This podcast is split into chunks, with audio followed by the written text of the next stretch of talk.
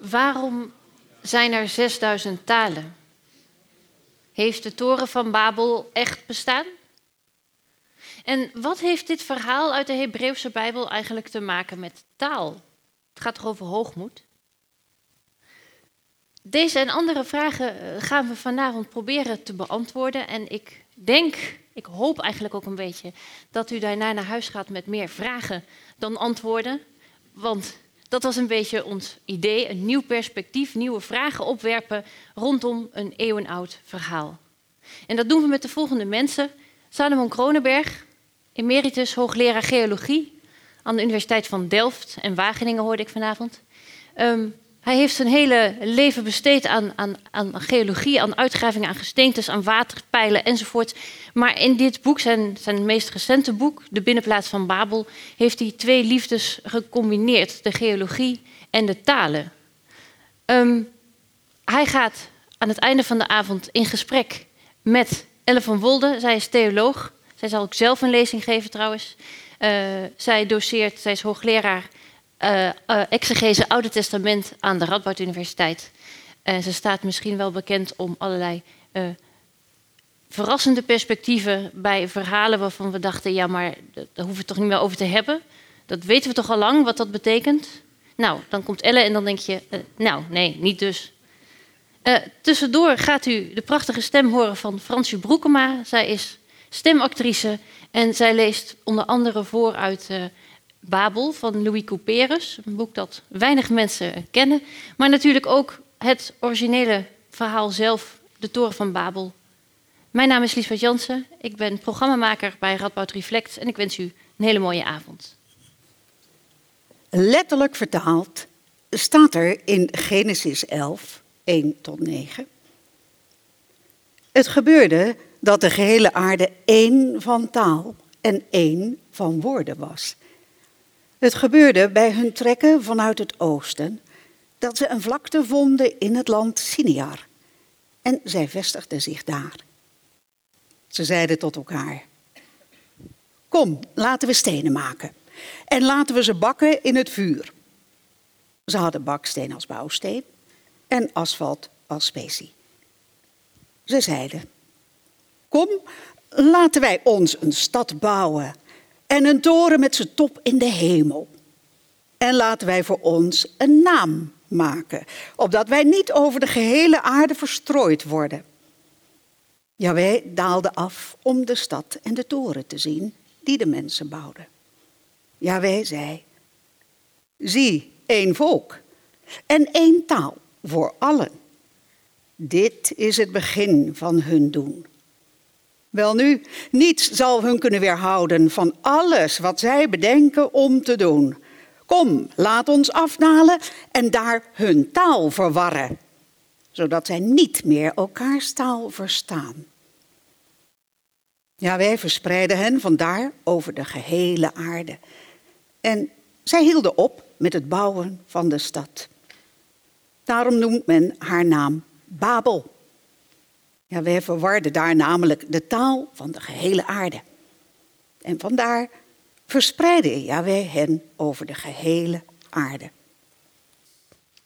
Ja, mensen. Dit is de toren van Babel. Een zoals we zullen zien. In de visie van de Iraaks-Nederlandse kunstenaar Qassem El-Saidi. Die heeft een prachtig keramisch object gemaakt. En dat heb ik op de voorplaat van mijn boek gezet. Eh, dus als u niet begrijpt wat dat is, dan weet u dat bij deze. Ik was als kind altijd al geboeid door taal. Ik wou, taal vond ik iets fantastisch. Ik, was, ik woonde in Goes, ik was een klein jongetje. En ik zag bij de kiosk van, de stations, uh, van het station in Goes... daar zag ik van die kleine boekjes liggen. Van die, uh, kijk, is dit een rode? Even kijken hoor. Doet hij dat? Of deze? Oppa, dat is fout. Waar zit de pointer? Oh, dat heeft hij niet. Dan moet ik een eigen even pakken. Ik heb zo'n rood boekje gekocht. Het is niet groter dan een luciferdoosje. Nederlands-Duits. Ik was misschien een jaar of acht. Maar ik vond dat zo spannend. Ik schreef een briefje aan mijn onderwijzer. En ik zei... Uh, uh, ik heb hem toen uh, een briefje in het Duits geschreven. En dat heb ik hem gegeven. Die man moet vast gedacht hebben, wat een uitslover is dat. Maar, eh, en ik kreeg wel een briefje van hem terug eh, in het Duits en zo, maar ik had geen zakgeld meer om dat boekje Duits-Nederlands te kopen. Dus ik heb nooit geweten wat hij precies heeft willen schrijven. en eh, nou, later, ik, ik had een oom die ging veel op reis en die, die bracht een, zo'n mooie gebedsrol uit Ethiopië met, met, met allemaal lettertjes die ik niet kon lezen. Ik wil altijd precies weten wat er staat. Op het gymnasium deed ik Italiaans, we lazen Pinocchio. Eh, ik heb Hebreeuws gehad op de middelbare school van, dat, eh, van een, een docent die mij na het verschijnen van het boek heeft geschreven dat hij er nog steeds is, dominee van Haarlem. S'avonds volgde ik Russisch in de, in de Volksuniversiteit in, in Middelburg. Daar zat ik toen Kennedy werd vermoord. Dus ik was eigenlijk altijd met taal bezig. Ik ben uiteindelijk geoloog geworden. Maar die taalliefde die, die, die blijft gewoon kriebelen, die blijft gewoon knagen. En uiteindelijk heb ik dit boek geschreven als het ware een soort inhaalslag eh, om eh, te, kunnen, eh, te kunnen voelen wat ik eigenlijk allemaal gemist heb. Daar was het eigenlijk voor. En ik heb het niet helemaal van mezelf. Hè. Mijn opa die kende veertien talen. En dat was een soort eh, rolmodel, zou je kunnen zeggen. Hij is hier 68 en ik ben daar 12. eh, ik ben nu zelf 68. Maar daar komt het een beetje vandaan. En het boek is voor een deel ook een hommage aan hem. Dat komt verder nu niet voor in wat we gaan bespreken vandaag. Maar ik wil hem wel eventjes laten noemen. En de andere vraag, dat is waarom zijn er 6000 talen op aarde? Dat is toch ook eh, eigenlijk een beetje onzin. Hè? Het is een beetje een stap terug, zou je zeggen, in de evolutie. Hè? Want we kunnen allemaal met, met elkaar, met iedereen uit de hele wereld, kunnen we kinderen maken. Maar je moet wel altijd even eerst die taal om het met elkaar af te spreken. Dus ja, dat is lastig is dat en zo. Dus, eh, ja, de, de, de- de reden waarom dat is, hè, dat is nog altijd een van de duistere dingen. En het is natuurlijk logisch dat het verhaal van de Toren van Babel... Hè, vanuit de vroege geschiedenis probeert daar een verklaring voor te vinden. En daar is het. Ook dat thema ga ik verder niet veel op in. Ik wil het echt hebben over de, het verhaal van de Toren van Babel zelf. Wat u net gehoord hebt, heeft van Fransje. Zo mooi heb ik het nog niet voorgedragen gezien. Dit is hetzelfde verhaal, dat kan je... Eh, Fransje, wil je dit ook nog even voorlezen? Nou, eh, wat is het leuke van het verhaal? Ja, eh, eerst Babylon. Hè, want Babel is natuurlijk Babylon. Hè. Babylon is een stad in Mesopotamië, in het, gebied van de Uifraat en de Tigris, het huidige Irak. En daar is zo ongeveer ruim 10.000 jaar geleden, daar is de landbouw ontstaan. En al die, die eh, tekentjes die je daar ziet, dat zijn plekken waar de landbouw is ontstaan. Aan het einde van de ijstijd, zo 10.000 jaar. Het was, eerst was het een hele droge, dorre woestijn. Maar aan het einde van de ijstijd, dan kwamen daar de grassen en de eikenbomen en de pistachebomen op. Het was een heerlijk leven. Dat is de vruchtbare halve maan. Hè. Dat is niet de Mesopotamië zelf, maar het zijn juist de berggebieden eromheen. En daar is de landbouw ontstaan. En ja, op een gegeven moment zijn de mensen uit het oosten naar het land Sinjar getrokken. Dat hebt u net van Fransje gehoord. Hè. Dus wat is dat land Sinjar? Hè? Dat, is, dat is hier in dat gebied. En vraag, ik vraag me nog steeds af waarom ze dat nou eigenlijk deden. Hè? Waarom zijn ze daar weggegaan uit dat heerlijke gebied? Want Uifrat en Tigris, ja, dat is eigenlijk gewoon een soort woestijn. Het enige wat er is, hè, dat is die rivieren. En met die rivieren, daar kan je landbouw mee plegen. Die eh, zijn, geven vruchtbaar slip en die geven elke keer weer zoet water. En ja, de uitvinding van de landbouw zelf is een van de grootste technologische innovaties geweest van de mens. Hè. Maar de tweede, hè, dat is de uitvinding van de geïrrigeerde landbouw. En de mensen hebben dat gezien die uit het oosten kwamen. Die dachten, de rivieren hebben dat niet altijd gedaan. Maar op het moment, zo 6000 jaar geleden, dat die rivieren begonnen slip uit te zetten en rustig te overstromen. Of vanaf dat moment hebben ze vastgedacht, nou jongens, nou kunnen we iets doen met, dat, met die grote woestijngebied van, eh, van Mesopotamië. Zo is het eigenlijk eh, begonnen, hè, dat, eh, dat hele verhaal. En ja, ze hebben daar hun nederzettingen. Ze hebben meer dan 1600 nederzettingen liggen daar uit die oude tijd. van eh, 6000 tot zeg maar bijna het begin van onze jaartelling. En als je kijkt op dit kaartje, dan zie je daar al die verschillende steden liggen enzovoort die hier geweest zijn. En ja, daar zijn allerlei geschriften over, daar kom ik straks over te spreken. En we weten eigenlijk de allereerste stad die daar is gesticht, is de stad Uruk. De stad Uruk, ongeveer 3400 jaar voor onze jaartelling. En dat was dus niet Babylon. hè. Uit het verhaal van de Bijbel denk je van... hé, hey, eh, Babylon, dat moet dus wel de eerste stad zijn. Want ze kwamen uit het oosten en ze stichten die stad... en begonnen met die toren te bouwen en zo. Maar dat klopt niet. De eerste vermelding van Babylon... dus op een groot stuk kalksteen, wat heel ergens anders vandaan komt... is van, van 2400 jaar geleden. 2400 jaar voor onze jaartelling. Dus Babylon is niet de oudste stad. Ze hebben daarvoor ergens anders gezeten. Er zijn ook andere steden, zoals Eridu... die ook eh, ouder zijn dan dan Babylon. Dus dat is eigenlijk eh, wat een, stuk van het verhaal dat, uh, dat niet klopt. Dus in elk geval niet de eerste stad is, uh, is Babylon. Een ander belangrijk punt is dat je ziet hier die Eufraat en de Tigris lopen, maar je ziet er ook allemaal droge rivierbeddingen tussen lopen. En dat is een van de grote tragiek geweest van het hele Mesopotamische gebied. Die rivieren die hebben voortdurend zich van plaats, van plaats verschoven. Als ze weer een kortere bedding naar zee vonden, dan gingen ze in plaats van deze, deze loop dan namen ze die loop. En deze, dat, al die gestippelde lijnen, dat zijn oude lopen van de Uifraat en de Tigris. En je zult maar in zo'n dorp wonen. En je ziet plotseling dat de rivieren waar je van afhankelijk bent voor je landbouw en je drinkwater, dat die plotseling van de ene dag op de andere opdroogt en dat die plotseling tien kilometer verder ineens is gegaan dan moet je dat gebied verlaten. En dat gebeurde elke keer weer en zo. Dus als er een reden is voor die mensen om een stad te gaan bouwen, hè, dan is dat om dat te doen op een plek hè, waar je eigenlijk een beetje af bent van voortdurend die verschillende verhuizingen van de rivier. En te hopen dat je daar dus al die mensen uit die kleine dorpjes, die komen dan naar die grotere stad en hopen hè, dat het daar dan wel goed gaat. Hè. Dat is vermoedelijk een van de, een van de drijfveren geweest van de mensen om, uh, om daar naartoe te gaan. Hè.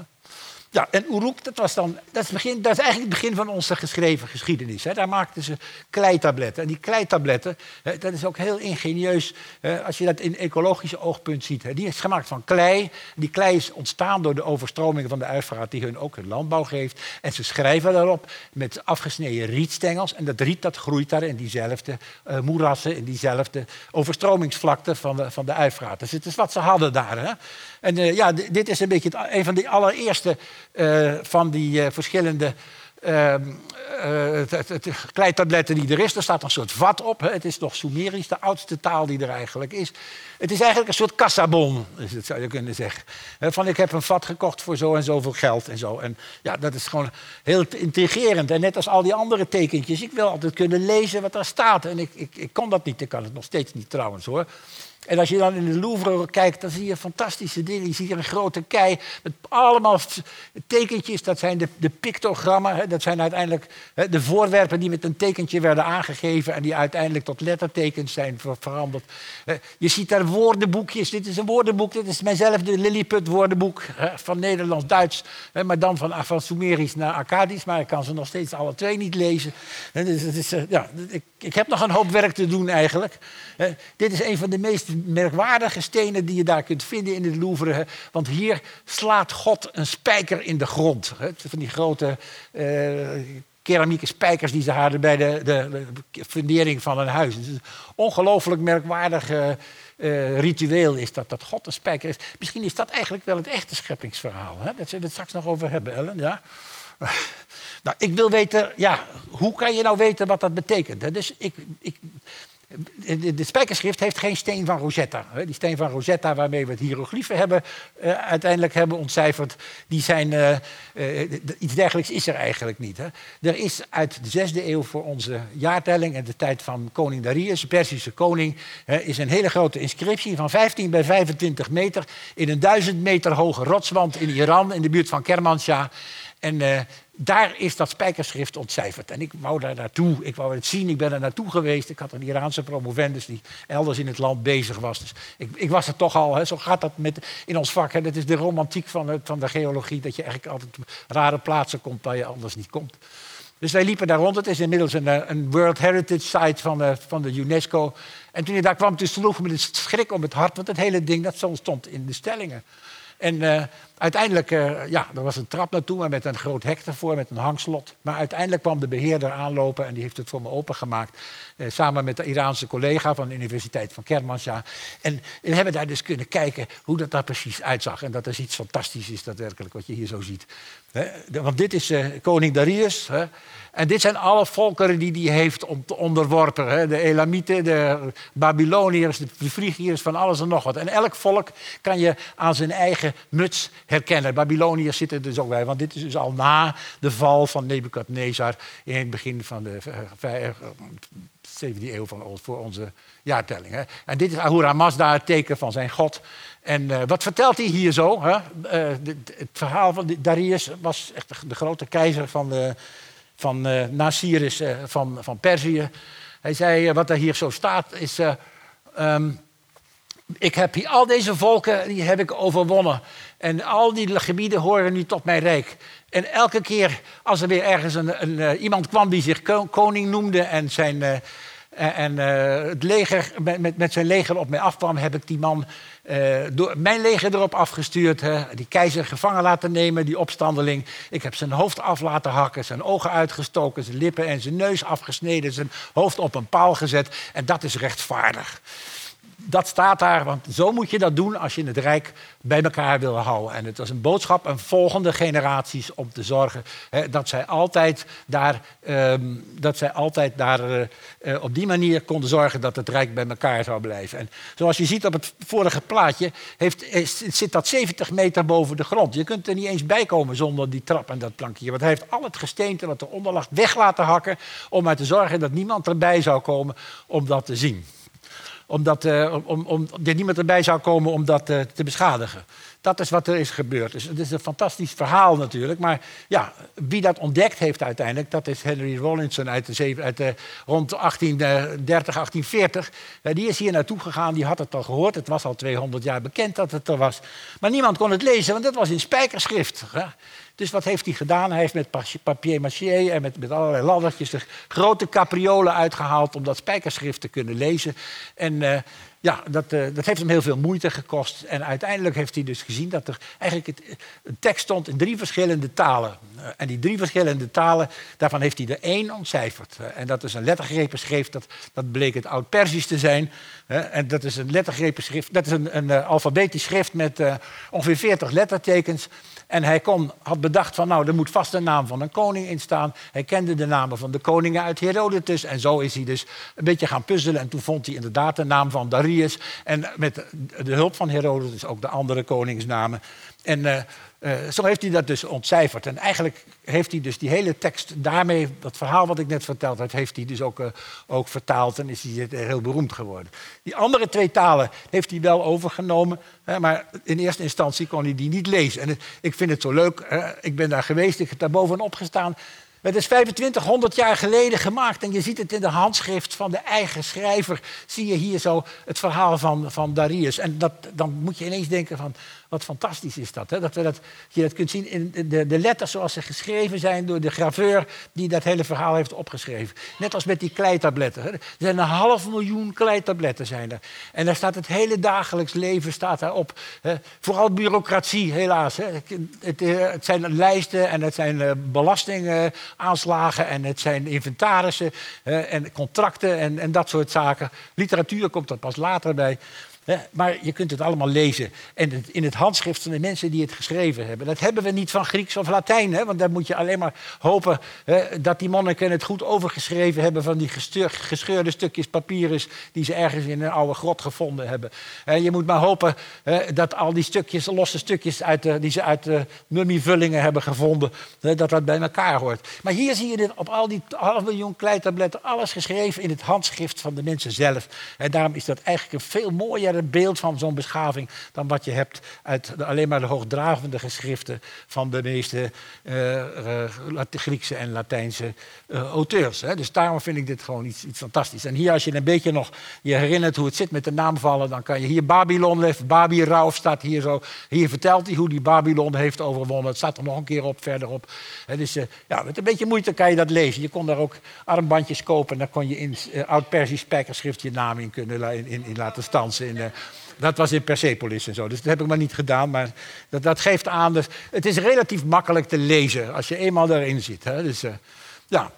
Nou, Babylon uh, heeft eigenlijk pas vanaf 1800 voor onze jaartelling is die Babylon echt uh, belangrijk geworden. Daarvoor, hè, dat, is, dat is anderhalf millennium, 1500 jaar zeker aan tevoren gegaan, dat de, die beschaving daar al bestond. Maar pas 1500 jaar later zien we echt sporen dat Babylon belangrijk wordt. Hè. En dit is de beroemde stijlen van Hammurabi met de wetsteksten erop, hè, weer in, uh, in het spijkerschrift. En dat is dus eigenlijk pas, je kunt zeggen, het moment dat Babylon eigenlijk zichtbaar wordt. Terwijl er al zoveel andere dingen in het gebied gebeurd zijn. Hè. Nou, Babylon uh, is toen verwoest. Er is een heleboel uh, van alles en nog wat gebeurd. De tweede bloeitijd was van Nebukadnezar. Tweede die heeft Babylon weer opgebouwd na eerdere verwoestingen. eh, door Assyrische eh, koningen, keizers en strijders. En wat je hier zo ziet is dat eerste opgravingen van Babylon in het begin van de 20e eeuw van Robert Koldewey. En Robert Koldewey verdient een speciale vermelding, want dat is een archeoloog geweest, eh, eigenlijk die de basis heeft gelegd voor de moderne archeologie. Want Robert Koldewey eh, die was eigenlijk een architect en terwijl al die vroegere archeologen die, die Sphinx hebben opgegraven, de Engelsen en de Fransen in, uh, in, in Egypte en in Griekenland de tempels hebben, die, die gingen alleen maar voor de buit, voor de mooie, voor de mooie beelden enzovoorts. Maar hij wel, heeft elk scherfje opgetekend hoe de huizen lagen, hoe de straten lagen. Eerste moderne archeologie, omdat hij zo'n architectenopleiding had. En uh, ja, de Duitse keizer vond dat Duitsland achterbleef bij alle museumschatten die de Engelsen en de Fransen in het Louvre en in het British Museum hadden. Maar hier is hij dus uh, aan de gang gegaan. En je ziet hier dat hij de, de Noordpoort van Babylon, de poort van Ishtar, uitgraaft. En hij heeft fantastisch mooie dingen daar gedaan. Babylon zag er gewoon uit als een soort, een soort blaar in het landschap. Al die steden zien eruit als een blaar in het landschap in de woestijn. Want ook hier is natuurlijk de rivier uiteindelijk vroeg of laat verdwenen. Nou, zo ziet hij er nu uit. Hè. Dus ze mogen trots zijn. Dit is het voor de Aziatische Museum in, uh, in Berlijn. Het heet Pergamon Museum, maar Pergamon, dat zijn alleen maar uh, witte, kale, blote Griekse beelden en zo. En je moet het gewoon voor de Aziatische Museum blijven noemen. Want dit is prachtig, hè. dit is diezelfde poort. Gerestaureerd weliswaar. Hè. Maar als je echt een beetje gevoel wil hebben van hoe het eruit ziet... als je in Babylon binnenkomt, dan zie je dat dus hier. Dankzij Koldewey. Hè. En ja, Babylon is, dat was echt dat was een, een, een groep mensen die op zichzelf helemaal niet zo groot was, maar die ook weer een enorm groot rijk heeft verzameld. En net als de Assyrische uh, koningen die daaraan vooraf gingen. En ja, als je dan kijkt uh, hoe ze dan dat rijk in, uh, bij elkaar hielden, dan hebben ze eigenlijk dat vooral gedaan door overal vandaan mensen te deporteren. Ze hebben dus van oost naar west, van noord naar zuid, hebben ze door het hele Midden-Oosten volkeren naar Mesopotamië gehaald, naar hun steden. De Assyriërs zijn daarmee begonnen, 10e, 9e eeuw voor onze jaartelling. Maar daarna heeft ook uh, Nebukadnezar II, dus die grote bouwer van Babylon, dat gedaan. En uh, het gevolg is dus dat er eigenlijk volkeren van allerlei verschillende talen bij elkaar kwamen in Babylon. Babylon was dus een ontzettend cosmopolitische stad. Volgens uh, uh, Boustine Odet, dat is een, uh, een Israëlische onderzoeker, die heeft al die spijkerschriftlijsten van de deportaties heeft hij, bekeken en, en opgeteld. En hij komt tot minimaal 1 en maximaal 4 miljoen mensen die gedeporteerd zijn. En een heleboel naar Babylon, naar de stad. Waarom? Niet zoals Stalin uit paranoia, Maar voor de arbeidseinsatz. En die hele Babylonische ballingschap, waar de Bijbel eigenlijk eh, grotendeels geschreven is in, uh, in het Oude, Testament tenminste. Dat is maar één van de vele verhalen van alle volken die dat hadden kunnen vertellen. De Joden, Judeërs die uit Jeruzalem en omgeving het huidige Israël daar naartoe werden gedeporteerd. Dat, die, dat is maar een hele fractie geweest van alle deportaties die daar geweest zijn. Maar die mensen waren handwerkslieden, eh, notabele mensen die iets konden, landbouwers, eh, stenenbakkers, eh, graveurs, van alles en nog wat. Dus ze zijn niet vanwege uh, ze zijn vanwege hun, hun, hun talenten zijn ze uh, daar naartoe gebracht. Dus daarom is het eigenlijk is, een, is Babylon in die tijd gewoon een soort smeltkroes geworden van allemaal verschillende volkeren. En als je ziet, dit zijn wat tabletten uit, de, uit Persepolis, dan zie je wat, welke voor talen er waren. Dit was het Oud-Persisch, dit is Neo-Babylonisch. Nou, Oud-Persisch is een taal die verwant is met het Nederlands via de Indo-Europese taalfamilie. Het Neo-Babylonisch is, is verwant met het uh, het uh, Hebreeuws en het Arabisch. Dat is een Semitische taal. Het Elamitisch, Elam, dat is nog steeds een provincie van Iran. Dat is een taal die verder nergens mee verwant is. Een taalwees. Hè, dat werd er allemaal gesproken. Dit is Urartees uit de buurt van Armenië. Weer een andere taalfamilie. Is, het is, ja, het is gewoon een geweldige smeltkroes van verschillende talen geweest daar in, uh, in, in, in Babylon en zo. En ja, die mensen moesten natuurlijk wel met elkaar zien te communiceren op een of andere manier. Hè. En ja, dit vind ik ook zo'n mooi voorbeeld. Hè. Dit is, wat ze daar vonden, dat waren kleitabletten. Die zaten in een envelop. En sommige van die enveloppen waren nog dicht. Wat zit erin? Wat staat erin? Hè? Die geheime brief die niemand ooit heeft opengemaakt. Hè? Spannend is dat en zo. Dus ja, een heleboel van, van die dingen waren wel open. En, en wat staat erin? Nou, die envelop, wat aan de buitenkant staat, dat is precies hetzelfde als wat in de binnenkant staat. Waarom? het was hun manier om fraude te voorkomen. Want het waren ongebakken kleitabletten. Dus als jij staat, een, een slavin hebt verkocht voor 400 shekel... En uh, je zet dat op dat uh, kleitablet bij het, uh, bij het contract. En je denkt achteraf, ja, de belasting hoeft dat helemaal niet te weten. Ik maak er 200 van. Nou, dan heb je een probleem, want ja, je kunt het op de buitenkant van de, die envelop kan je dat veranderen. Maar dan betekent het dat je het eigenlijk binnenin ook moet veranderen. Maar dan moet je die envelop openmaken. En de belastinginspecteur weet precies wat dat betekent, een opengemaakte envelop. Maar dan klopt het dus niet meer. Dus ja, het zijn dezelfde dingen waar wij nu ook mee worstelen. Die hebben zij dus ook gehad. Zo. Op een gegeven moment zie je ineens een heel andere taal, heel andere lettertekentjes zie je opduiken. En dat zijn lettertekentjes die veel lijken op die van het Hebreeuws. Het is Aramees. En die worden ook niet met de rietpen, maar met een stokje in erin geschreven. En dan zie je, dit is het spoor van de eh, Arameërs, Phoeniciërs, Joden, die in eh, Mesopotamië door die deportaties terechtgekomen zijn. En op een of andere manier heeft dat Aramees is dat beklijft. Hè. Vermoedelijk is ook die hele stam van Nebukadnezar oorspronkelijk van Aramese oorsprong. Maar het is niet echt een Aramese verovering geweest. Geleidelijk aan vond men dat kennelijk dat Aramees toch makkelijker dan dat, uh, dan dat Babylonisch. En dat is zo'n beetje de lingua franca geworden. Hè. Dit is ook een pachtcontract van een Joodse van een Joodse landbouwer hè, die een bepaald stuk land mag bebouwen. Dat is allemaal keurig afgesproken daar zo. Ze kunnen de Joodse namen ook herkennen uit al die lijsten die in spijkerschrift zijn geschreven. Ze weten eigenlijk dus hoeveel Joden waar ze zaten enzovoort. Het is een ongelooflijke uh, hoeveelheid informatie die daar eigenlijk al over beschikbaar is. Goed, in Babylon, daar stond natuurlijk die toren van Babel. Hè? Daar heeft echt bestaan. Hè? Dat was de vraag die Lisbeth net al, op de, uh, al, al, net heeft, heeft geopperd. Hè? En die zag er helemaal niet uit hè, zoals Breugel dat maakte. Hè? Breugel die heeft uh, in 1500 zoveel heeft hij in, Rome rondgelopen en die had dat Colosseum gezien. En die heeft dat Colosseum min of meer gebruikt als inspiratie om die toren van Babel te maken. Dus de Rotterdamse, in Wenen staat nog een andere. En er zit ook helemaal geen spiraal op, want die spiralen, dat is waarschijnlijk een foute vertaling van Herodotus geweest. En zo. Dus ja, we, zijn gewend aan die ronde toren te denken, maar dat klopt helemaal niet. Degene die de, de meest fantastische toren van, van Babel heeft bedacht, dat is Athanasius Kircher, een Duitse jezuïet eh, die in Rome woonde en een, een, een, soort rariteitenkabinet had in een museum. Waar alle, hij was vriendjes van alle pausen een soort uh, wetenschapper die zich met van alles bezig hield. Met de Kabbalah en met muziek en met optiek en met, en, en met astronomie en van alles en nog wat. En ook met talen en zo. En ja, het was eigenlijk een soort charlatan. Hij, hij zei ook dat hij hieroglyphen kon ontcijferen. En alle zaken die hij heeft gepubliceerd daarover... Uh, die uh, blijken totaal niets van te kloppen. Maar iedereen die geloofde hem, het was dat het vriendje van de pauze enzovoort. Het is ook de man die de kattenpiano heeft uitgevonden. Weet u wat het is, kattenpiano? Nee.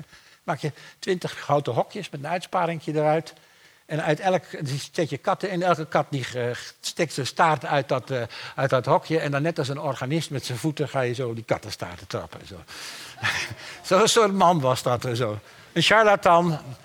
De echte wetenschappers uit die tijd, Christian Huygens en Newton en Leibniz, die verwaardigden zich niet om die man te citeren. Maar hij was veel beroemder dan, dan al die anderen. Nou, hij heeft een, een heel boek geschreven over de toren van Babel. En wat zegt hij daarin? Het is maar goed hè, dat God de mensen heeft gestraft voor hun hoogmoed. Want als ze die toren hadden willen bouwen tot aan de maan, hè, want verder kon hij zich niet voorstellen dat God zat. Hè, dat is 300.000 kilometer, had hij best aardig uitgerekend, 300.000 kilometer. Hè, dan, ja, 4 miljoen mensen kunnen in 3500 jaar nog niet die toren afmaken. Dan is hij nog steeds niet af. En je hebt, er is niet genoeg klei op aarde om zoveel bakstenen van te maken. En je zou meer dan alle bossen van de aarde moeten, moeten kappen om die, klei, om die klei te kunnen bakken voor die, voor die toren. En, en, als die toren eenmaal gebouwd is, hè, dan ja, een, ruiter te paard die is in 800 jaar langs die spiraalweg nog steeds niet boven. en hij zei, het allergrootste gevaar is dat die toren, die brengt het evenwicht van de aarde eh, uit balans. Hè. Want dan, het zwaartepunt van de aarde komt dan ergens hier te liggen. Hè. Hij was nog steeds kerkpolitiek correct, want hij, hij, hij geloofde nog steeds uh, in 1672 dat de aarde in het middelpunt van het heelal stond. En hij heeft op geen enkele manier laten merken dat hij, gemerkt, dat, dat hij wist van Galileo, die in 1632 al door de Inquisitie was veroordeeld, omdat hij zei dat de aarde om de zon draaide. Dat paste niet in zijn wereldbeeld, want de pausen vonden dat niet goed. Maar goed, als de aarde uit balans raakt, hè, dan, en hier zit het zwaartepunt van de aarde, dan komt een derde van de aarde permanent in de schaduw van de toren te liggen. Alle klimaten raken in de war. En de, de totale de leefbaarheid van de aarde die gaat er totaal aan. Dat is wat hij hier zo vertelt, hè? ook in die, in die boxen. In zes talen hier zo, hè? want hij heeft ook een boek over die obelisken, de Piazza Navona, geschreven in zestien talen. Hij was, hij was wel in die talen geïnteresseerd, maar heel veel daarvan was, was humbug. Dus deze man, die, uh, maar dat plaatje dat is gewoon kostelijk, daar kan je gewoon niet omheen als je echt iets wil weten over de toren van Babel. Zo zag hij er echt uit. Dit is de reconstructie, dit is de reconstructie van uh, onze vriend uh, Je ziet dat hij vierkant was met een trapje eromheen en een tempeltje bovenop. helemaal niet rond, geen rondlopende dingen. Zo zag hij er echt uit. Dat is wat we weten uit zijn reconstructie. En uiteindelijk ook uit een stijle waar de, die uh, pas heel recent gevonden is dat die bij elkaar hoort. Met hier een, uh, een, de, de, toren in profiel, hier in plattegrond, hier met Nebukadnezar erop en hier de tekst waarop staat dat hij hem heeft gebouwd. En dit is een baksteen van de toren van Babel, uh, waarop staat ik, Nebukadnezar, heb deze toren gebouwd. dus er is geen enkele twijfel dat hij dat rond 605 voor onze jaartelling heeft, heeft, heeft gebouwd. Nou, wat heeft Koldewij gezien? We hebben daar niet echt goede plaatjes van, maar dit is een plaatje van een expeditie van de Duitsers in, in, uh, in uh, rond 1960, 1962. En hier zie je dat die inderdaad bestaat uit tichels, uit, uit uh, gebakken en ongebakken leemtichels met asfalt ertussen als specie. Hè. Dat klopt dus, dat verhaal. Alleen die toren, die is er niet meer. Hè. Je ziet hier alleen een gracht. En dat is eigenlijk zoals dat ding er nu uitziet. En dat is een beetje beschamend, eerlijk gezegd. Want dit is Babylon nu dit is Babylon nu. hier is de Uifraat, of eigenlijk het hele kanaal, wat je hier zo ziet. je ziet eigenlijk niks van enige archeologische rechten, resten. Je ziet dit alleen maar. Dat is het, Tel Saddam Hussein. Dat heeft Saddam gebouwd. Daar zo 30 meter hoge dik, eh, ding, heuvel. En daar heeft hij een, een paleis bovenop laten bouwen met bakstenen waarop hij heeft laten drukken. Ik, Saddam Hussein, heb deze tempel gebouwd. Hij beschouwde zich als rechtmatige opvolger van... van uh, Nebukadnezar. En hij heeft uh, allerlei picknickplaatsen, zwembaden, wandelpaadjes daar aangelegd. Hij heeft daar de, ruïnes uh, zogenaamd weer in de oude Babylonische stijl opgebouwd. En daar, en, en, en, daar ook een museum neergezet. En in het museum heeft hij allemaal replica's neergelegd van wat er in het museum in, in Bagdad stond. Nou, sinds Saddam gevallen is, waait de wind weer door die nepgebouwen en zijn alle replica's verdwenen. Dus als iedereen, als hij een denkt een oorspronkelijk Irakees uh, voorwerp te kopen op de, uh, op de uh, illegale markt, dan kan het nog best een replica zijn uit deze dingen. Maar dat is niet het enige, want in de Irak-oorlog dachten de Amerikanen, mooi, goed uitzicht, 80 kilometer van Bagdad. En de Amerikanen hebben hier dus hun helikoptervelden neergezet, ze hebben hier hun eigen betonnen palen en loopgraven gemaakt, ze hebben het totaal vernieuwd vernield. Er is een Amerikaanse archeoloog geweest die in opdracht van de Amerikaanse Senaat uiteindelijk heeft uh, vastgelegd wat er allemaal aan vernieling is aangericht door de Amerikanen, later door de Polen ook nog, die hier een basis hebben gehad. Uh, eh, 600 pagina's en dat is om te huilen. Uiteindelijk heeft uh, ze hebben twee keer de status van werelderfgoed aangevraagd bij UNESCO. Hebben ze twee keer geweigerd. En nu heeft de Iraakse regering besloten om er maar een pijpleiding doorheen te graven. Maar de toren van Babel is er nog. Dit is hem, hier zo. En hoe ziet hij eruit? Ja, vanuit de lucht. Het is alleen maar een gracht. Hè, in de vorm van een wafelijzer. En dit, hè, eh, dit is de Sachen, de binnenplaats. Hè. Dat is een van de redenen waarom het boek de binnenplaats van Babel heet. Hè. En waarom is dat een gracht? De buitenkant, dat waren goed gebakken leemtichels, eh, bakstenen. En die hebben de lokale bewoners uitgegraven tot onder de, de grondwaterspiegel om hun huizen van te bouwen. En dit was de trap en dat waren ook hele goede bakstenen. Maar het binnenste was ongebakken en dat was niet bruikbaar. Dat, was een beetje, dat zijn ongebakken leemtichels en die konden ze dus niet gebruiken. Dus je ziet hier eigenlijk alleen nog maar het negatief, zou je kunnen zeggen, van wat de toren van Babel is geweest. Maar hij is hier wel geweest en uh, zowel Koldewij als de laatste expeditie, latere expeditie van Schmid, die hebben dat aangetoond. Hè. Nou, zo ziet hij er nu uit. Als je, dat is een plaatje van die Amerikaanse archeoloog die daar rondgeloopt. Het lijkt gewoon een soort, soort vest. Er is eigenlijk geen bal aan te zien. Ik ben er ook niet geweest. Ik denk van, die man heeft het zo precies bekeken. Ik, ik kan daar niks aan toevoegen.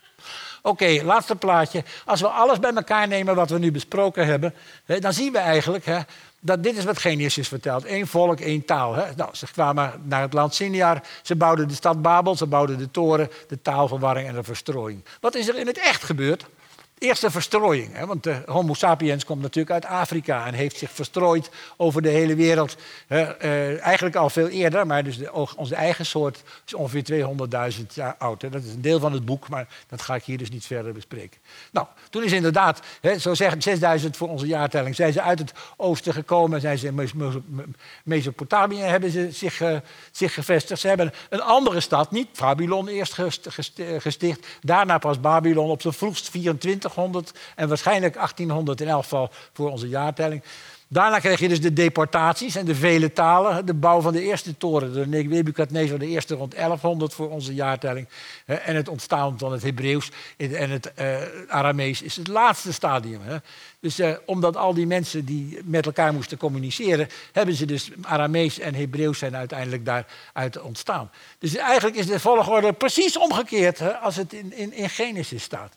En het grappige is dat Herman van Stiphout, dat is een Assyrioloog, uh, die dat in het boekje van Ellen van Ellen van Wolde. Het ligt hier, hè? Het ligt, hier, ligt het hier eigenlijk? Nee, het ligt hier helemaal niet. Maar goed, dat, dat is mijn, het boekje van Ellen is voor mij de eerste ingang geweest in het hele Babylonische verhaal. En er staat een verhaal in van Assyrioloog Herman van Stiphout uit Groningen. En die zegt van ja, het is toch wel eigenlijk gek hè, dat dit verhaal precies achterstevoren is verteld. Terwijl er een Mesopotamisch verhaal bestaat dat 1500 jaar ouder is dan het verhaal uit de Bijbel en wat wel in de goede volgorde staat. Hij zegt het is toch net alsof er vroeger spindokters aan de, weg, aan de gang zijn geweest. Dank u voor uw aandacht.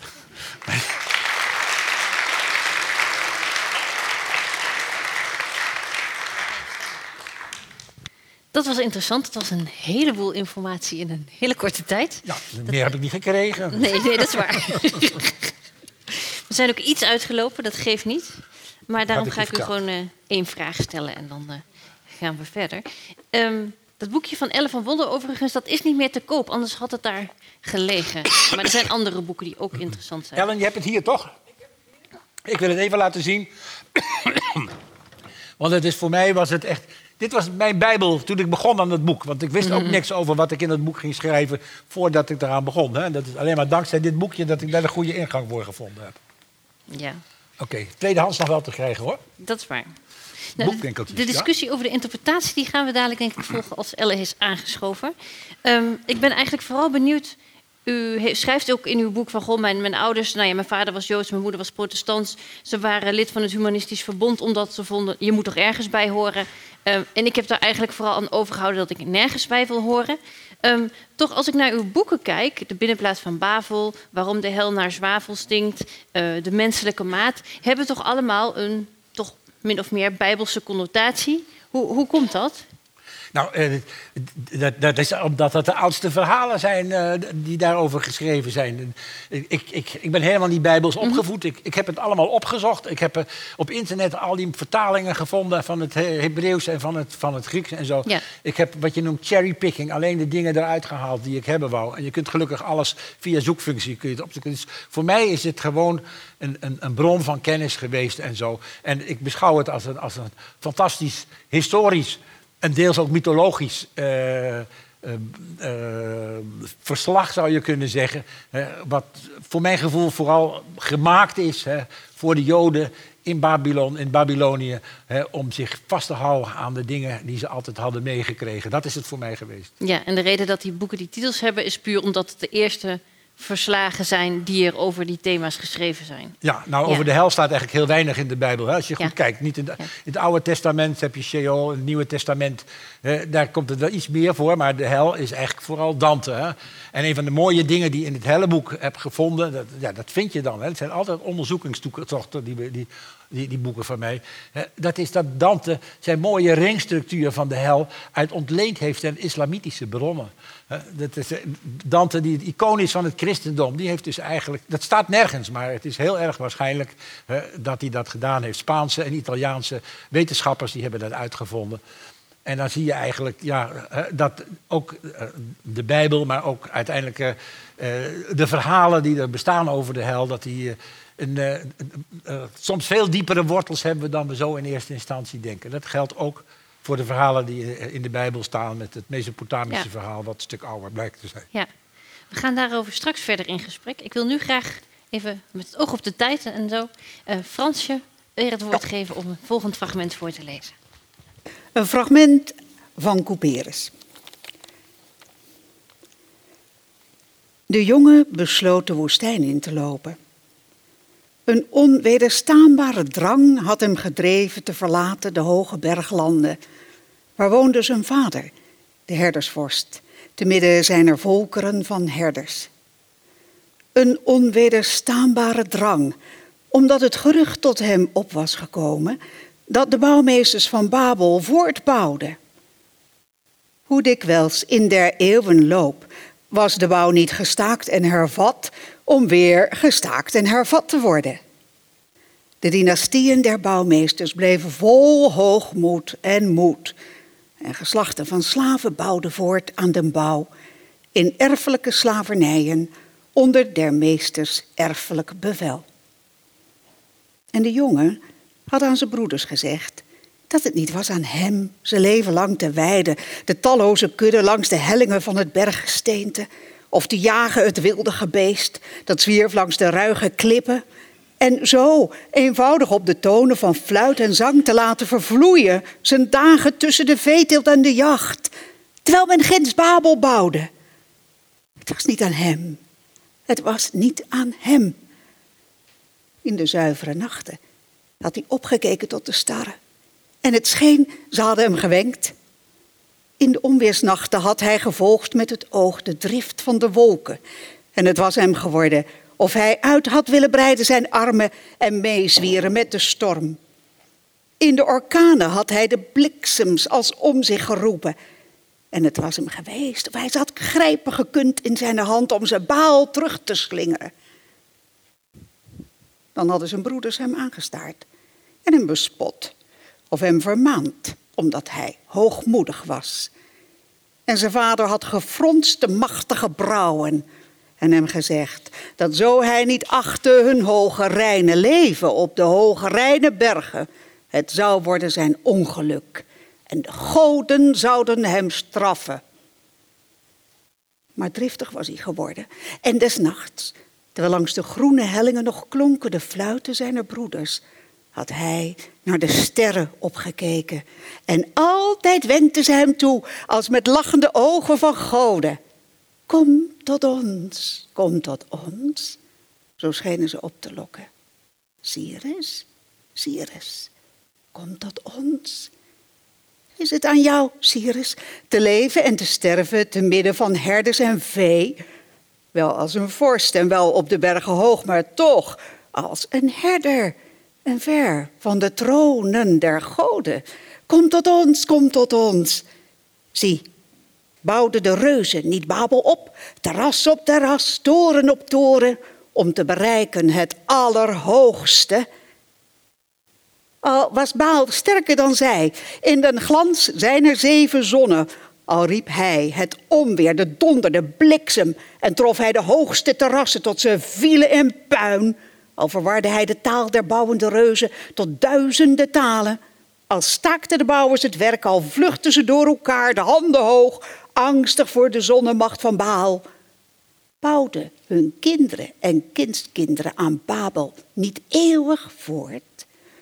Breiden zij niet uit de machtige fundamenten als met opwiekende trappenvluchten? Cyrus, kom tot ons. Cyrus, stijg Babel op. Cyrus, bouw voort aan Babel. Is niet langs Babel den hemel te reiken tot het paradijs van Azuur, waarin Baal heerst naast de goddelijke Astarte zelf? Cyrus, hoog je hart, hoog je ziel.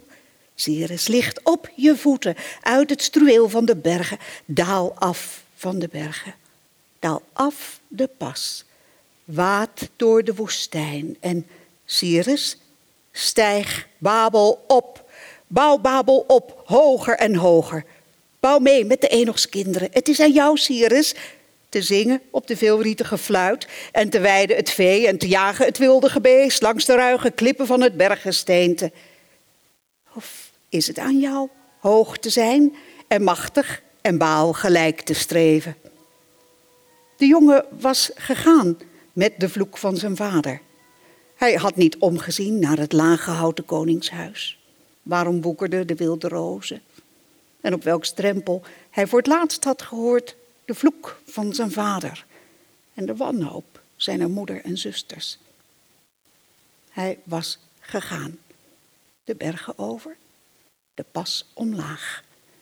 En nu liep hij door de woestijn.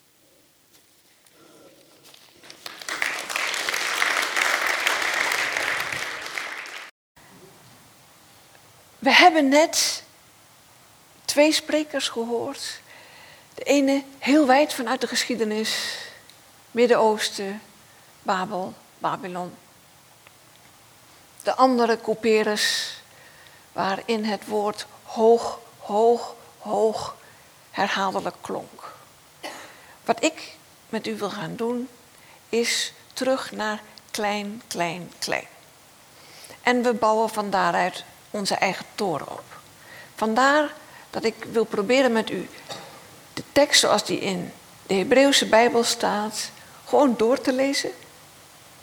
Te kijken wat er staat en van daaruit weer uit te breiden naar de context waarin het functioneert, naar het nog weer grotere, naar het verhaal van Babylon. 20 minuten. Dus u weet, ik ga snel.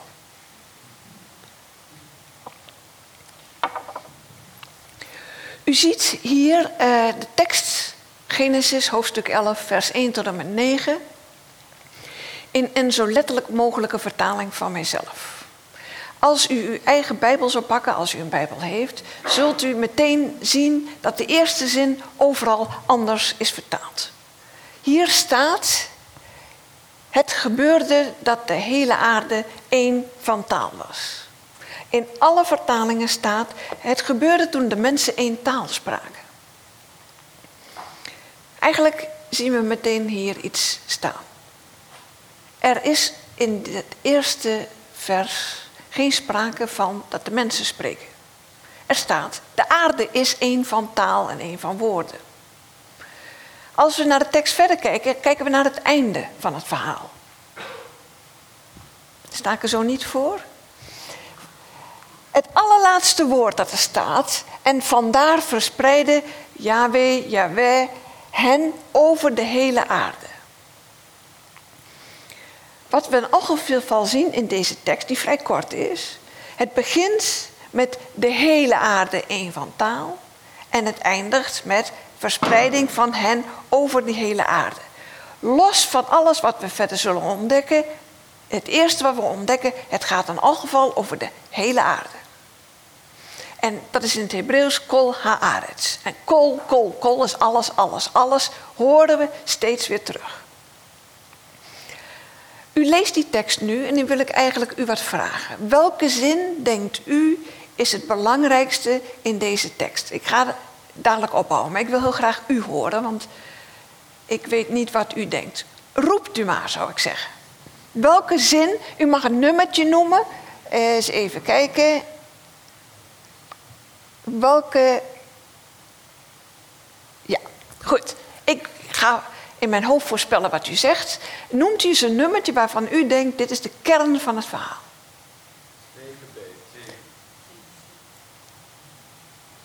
9b, 7c heb ik gehoord. Iedereen mee eens? Helemaal.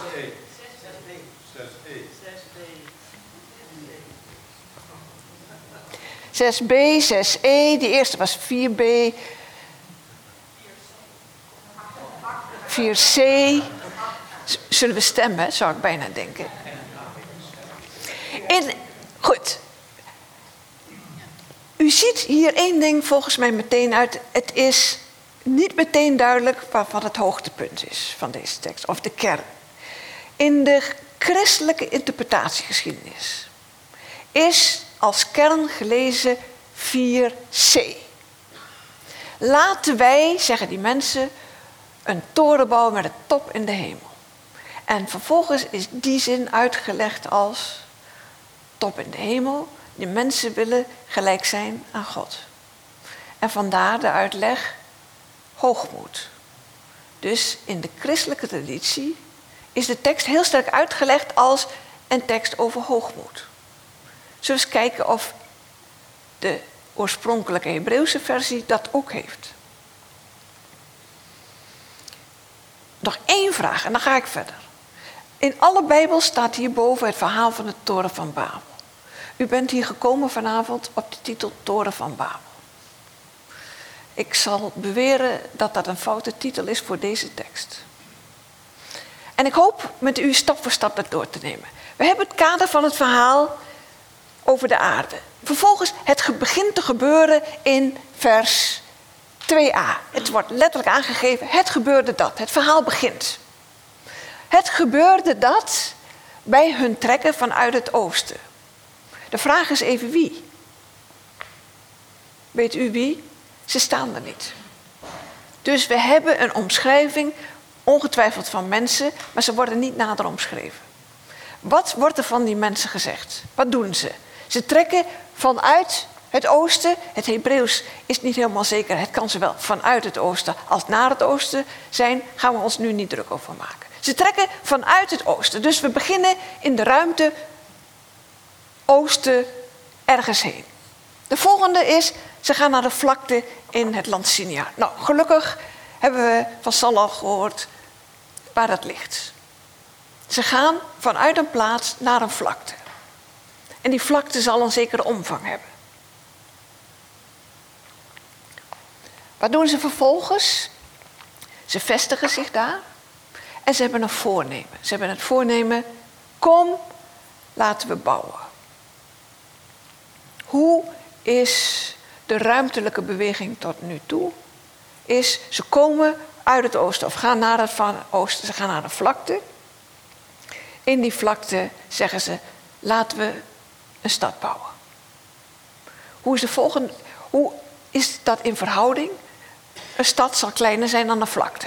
Denkt u niet? Ik ben blij dat u het met me eens bent. Vervolgens zeggen ze: Ik ga even. We maken stenen, we bakken ze in vuur. Dan wordt eigenlijk even buiten het verhaal toegevoegd. Ze, dat deden ze op die en die manier. Ze gebruikten bakstenen, klei, lieten ze drogen, specie erbij. En ze zeiden: Kom, laten we een stad bouwen met een toren. In feite, de beweging die we tot nu toe hebben, is een horizontale beweging. Vlakte, stad, toren. Dus een soort concentratie van plaats. Dan gaan we verder kijken. Wat is het doel van, dat, van die bouw? Wat zeggen ze zelf in deze tekst? Zeggen ze, laat ons die toren bouwen met top in de hemel. Laten we voor ons een naam maken. Met het doel opdat we niet meer over de hele aarde verspreid raken. Tot nu toe is het heel duidelijk. Ze gaan naar één plek en ze zeggen doel niet overal heen. Wat zeggen deze mensen? Eén, één, één. Eén stad, één plaats, één naam, niet verspreid. Gaan we naar het vervolg. Het tweede deel van het verhaal. Yahweh daalt af. Nou, minstens kunnen we zeggen, de toren was nog niet zo hoog, want hij moest nog afdalen. Vervolgens kijkt hij naar die toren. Al onze ideeën dat een godheid van tevoren alles weet, klopt voor heel veel bijbelverhalen niet. Hij moet nu eerst kijken hoe ze het doen. Hij kijkt hoe bouwen ze het en wat zegt hij nu precies. Laten we eens heel secuur kijken. Zie één volk Eén taal voor allen. Dus het eerste wat hij constateert is één, één, één. Nou, dat hadden wij eigenlijk ook gezien, dat wilden die mensen ook graag. Dan zegt hij, dit is dus het begin van wat ze gaan doen als ze één zijn. Niets weerhoudt hen ervan als ze één zijn, ze kunnen doen wat ze willen. En dan krijg je heel parallel, ja, ik ben toch niet groot genoeg om aan te wijzen. En 4b zeiden die mensen: Kom, laten wij. En nu 7a zegt Yahweh: Kom, laten wij. Dus er wordt een tegenprogramma geactiveerd en geformuleerd. Laten wij afdalen en hun taal verwarren, zodat ze elkaar niet meer verstaan. Oké, tegenover die ene taal, die ene naam en die ene plaats komt nu die tegenactie van meer talen. Nou, voor de meer talen hebben we gehoord, gaan we ook verder nog op. Nu krijgen we de verteller weer aan het woord. En die zegt, niet in de volgende zin, Yahweh verwarde hun taal. Nee, de volgende zin is, en Yahweh verspreidde die mensen over de hele aarde. Dus we krijgen de tegenbeweging. En ze hielden op met het bouwen van de stad. Wil daar even bij stilstaan. Is het nou niet vreemd als dit de tekst zou zijn over de toren van Babel? Waar de toren het meest centraal is. Valt u niet iets op? Aan het einde van die tekst wordt de hele toren niet meer genoemd. Er staat niet, ze hielden op met het bouwen van de toren. Maar ze houden alleen op met het bouwen van de stad. Dus het lijkt alsof de aandacht, en al aan het einde van de tekst, niet meer uitsluitend naar de toren uitgaat. Waar gaat de tekst wel, waar de aandacht gaat, waar gaat die naar uit? Men noemt die naam, één naam, nog steeds, Babel. En Babel is een woord van de stam verwarring, balal. Gebabbel kan je eigenlijk in het Nederlands goed zeggen, een heleboel wartaal. Daarom noemt men haar naam Babel, is eigenlijk een zin die de verteller toevoegt en als het ware rechtstreeks richt tot zijn lezers. Kom ik dadelijk op terug. We gaan verder. Yahweh verwarde daar namelijk de taal van de hele aarde en verspreidde de mensen over de hele aarde. En nu zien we de samenhang van de dingen. Op het moment dat de mensen op één plek gaan zitten en niet willen verspreiden, maar één naam willen hebben, zijn ze eigenlijk alleen maar op zichzelf gericht. Tot nu toe zijn die mensen helemaal op zichzelf gericht. Waar is die godheid op gericht? Ze moeten verspreid over heel die aarde gaan en daarom ook verscheidene talen spreken. Het gaat helemaal niet over die toren en ook al helemaal niet of die toren ervoor staat dat ze gelijk zijn aan die godheid. Het gaat erover dat die mensen de condities die ze tot nu toe hadden, waardoor ze op één plek gingen, dat die condities worden opgeheven. Ze moeten zich verspreiden en daarvoor is het nodig dat ze meer talen spreken. Wil ik nog heel even hebben met u over die toren met het hoofd in de hemel? Ik ga nu even advocaat van de duivel spelen bij mezelf. Ja, daar staat toch duidelijk een toren in mijn hoofd in de hemel. Dat moet toch betekenen, in de hemel zit God. Dus die mensen willen gelijk zijn aan God. Dan ga ik met u naar de tekst. In het Hebreeuws is het woordje toren mikdal. En dat is M-I-G-D-A-L. Dat is een groot bouwwerk. Hoe doen we nou als we de betekenis van zo'n woord willen bepalen? Dan kijken we naar een heleboel andere Bijbelteksten in het Hebreeuws en kijken wat voor woord elders in die teksten zo voorkomt. En als we dan kijken naar Migdal, dan valt op dat het, dat het heel vaak militaire, indrukwekkende bouwwerken zijn als teken van macht. Maar vooral militair. Hoofd in de hemel, dat woord staat er ook vaker bij indrukwekkende bouwwerken, maar vervolgens helemaal niet eigenlijk met het idee dat in die hemel God zit. Dus het betekent een indrukwekkend bouwwerk, die eigenlijk ook als representant van de mensen geldt. Dus eigenlijk hetzelfde uitdrukt als die ene naam en die bekendheid. Met andere woorden, als we nu die tekst kijken, zien we een raamwerk die gaat over de hele aarde, één taal en aan het einde vele talen. aan het begin mensen op die samen klonteren op één plekje en aan het einde niet meer samen klonteren, verspreid worden en vele talen hebben. Dan gaat dus de tekst niet over hoogmoed, maar gaat over verspreiding en vele talen. Dan ga ik met u één stapje buiten deze tekst zetten van ja, maar hoe is de context van deze, dit verhaal? Hieraan voorafgaande komt een tekst, daar heeft de vorige spreker ook al op gewezen. We hebben hier voorafgaande teksten van een heel scheppingsverhaal, van een zonvloedverhaal met Noach. En dan begint alles een keer weer opnieuw. Met Noach was alles vernietigd, alles begint opnieuw. En dan krijgen we de zogenaamde volkerenlijst. Uit de drie zonen van Noach, Sem, Gam en Javed, komen alle volkeren op de aarde voort. En dan staat elke keer uit Sem komen de Semieten, dus de volkeren uit het oosten voort. Uit Gam komen de volkeren uit het zuiden voort, Afrika. En uit Javed komen wij voort, de Westelingen. En daar staat elke keer bij, hieruit komen de volkeren voort, volgens hun landen en hun eigen talen. En je ziet dus een beschrijving van de toenmalig bekende wereld, dat die bestond uit vele volkeren met vele, vele talen. Die tekst staat onmiddellijk voorafgaand aan deze tekst. En dan denk je, hé, hey, dat is toch gek? Net is verteld. Hele wereld bestaat uit veel volkeren met veel talen die elkaar niet verstaan. En het volgende zin is, en het gebeurde dat toen de hele aarde nog één van taal was. Met andere woorden, deze tekst legt uit waarom het gekomen is zoals het gekomen is. Namelijk dat de hele aarde bevolkt werd door vele volkeren met vele talen. En met nog anders gezegd, deze tekst geeft de uitleg van de noodzaak dat mensen zich verspreiden over de aarde met de vele talen. Want als dat niet het geval zou zijn geweest, zouden ze samen klonteren en alleen maar op zichzelf gericht zijn. Met andere woorden, de tekst laat de noodzaak zien vanuit het perspectief van de Godheid, dat die wil dat de hele aarde bevolkt wordt en niet een klein stukje. En dat in dienst daarvan vele talen en culturen nodig zijn.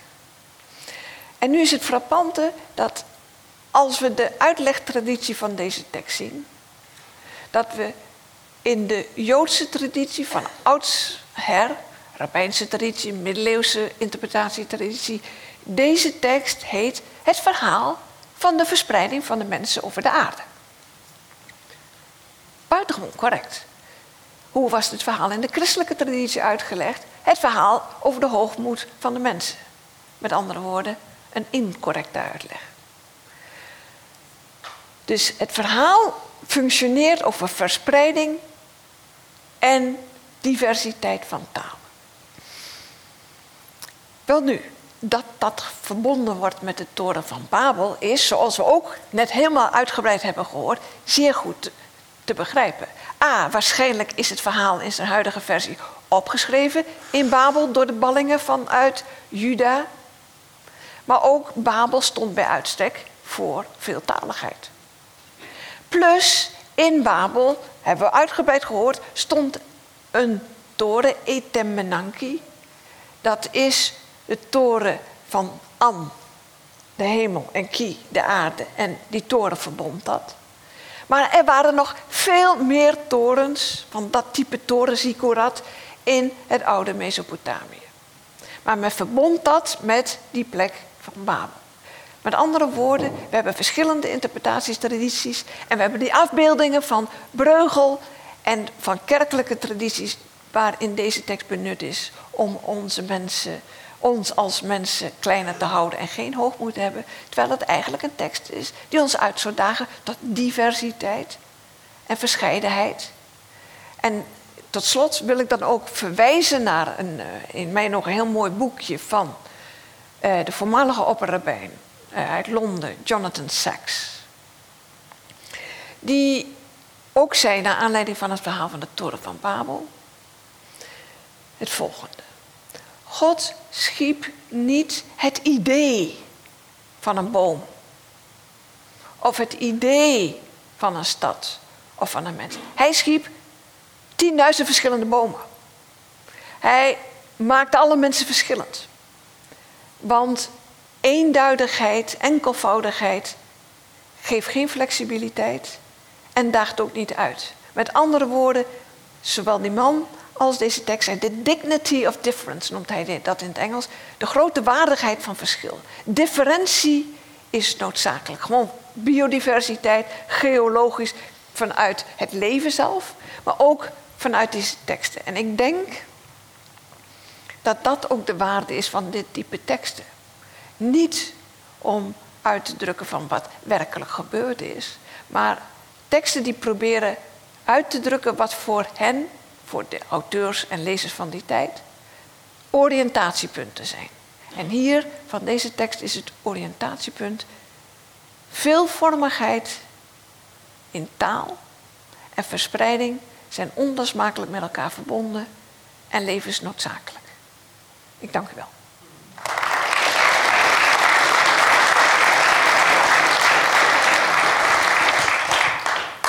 Ja, dankjewel Ellen. Een helder verhaal ook. Ehm, mijn eerste vraag zou eigenlijk even terug naar jouw vertaling, want we hebben nu uh, jouw vertaling gebruikt. En voordat de mensen gaan denken, ja, een uitleg bij een verhaal dat ik zelf heb geschreven, dat kan ik ook wel. Um, hoe, komt het, wat, hoe gaat dat vertalen en hoe komt het dat er zoveel verschillende vertalingen zijn van dit verhaal? Nou, naar verhouding valt het bij deze tekst nog mee over de uiteenlopendheid van de vertalingen. Het is vooral dat in veel vertalingen uh, het iets toegankelijker gemaakt wordt naar het Nederlands toe. Kijk, zo'n eerste zin, het gebeurde dat de hele aarde één van taal was, is niet meteen lekker leesbaar. En iedereen denkt, ja, een aarde praat niet. Dus maakt een beetje lopende vertaling ervan en de mensen spraken één taal. Dat is niet incorrect. Maar je haalt net een, een uh, element van de taal weg en van de tekst die je alleen kunt zien als je zo dicht mogelijk bij de oorspronkelijke taal zit. En ik denk dat dat bij veel talen het geval is. Het is dus een schipperen tussen zo dicht mogelijk bij het oorspronkelijke zitten en eh, wat wij nu makkelijk kunnen verstaan. En dat zijn ook de verschillen als je bijvoorbeeld de nieuwe Bijbelvertaling en de Willibrord en de, nou ja, enzovoort. Ja. Ja, dat is precies het verschil. En je hebt natuurlijk ook, als we net couperus hoorden, dan hoor je al woorden die, waarvan we denken, oh, die zouden wij nu anders zeggen. Dus je hebt ook dat ons Nederlands verandert heel erg. Als je nu een op zich goede vertaling, de MBG-vertaling, neemt, is van 1951. Het is echt dat je bij de helft van de zinnen denkt: hè, hoe loopt de zin? Nog een keertje. Dus je moet steeds weer concentreren, terwijl het een goede vertaling is, maar ons Nederlands is veranderd. Ja. Want, en wat vind je daarvan? Want ik bedoel, sommige dingen zijn natuurlijk ook gewoon mooier, maar daardoor misschien minder. Nou, kijk, ik vind uh, alles wat uitdaagt om secuur te lezen, heeft mijn voorkeur. Mm Dus alles wat te snel gaat, zodat je eigenlijk niet meer je af en toe even schuurt aan de tekst, vind ik, een, vind ik een nadeel. Vandaar dat ik heel goed begrijp dat mensen de Statenvertaling zo mooi vinden. Niet omdat die zo begrijpelijk is, nee, maar juist omdat het schuurt en dat het onbegrijpelijke wordt ook vaak ietsje heiliger. Ja. En heel toegankelijk, ja, dat stond er zoiets plats. Dat is ook niet uitdagend. Ja, en de uitdaging, dat... Uitdaging is volgens mij belangrijk. Ja. Even naar, het, naar, naar de interpretatie van dit verhaal zelf. Um, je schrijft ook in jouw boek, in eerdere historische perioden, ook van het christendom, zijn er andere interpretaties geweest van dit verhaal. Er worden onder andere vergelijkingen gemaakt met het Pinksterverhaal. En in de 20e eeuw zijn we weer teruggekeerd naar hoogmoed. Ja. Hoe komt dat?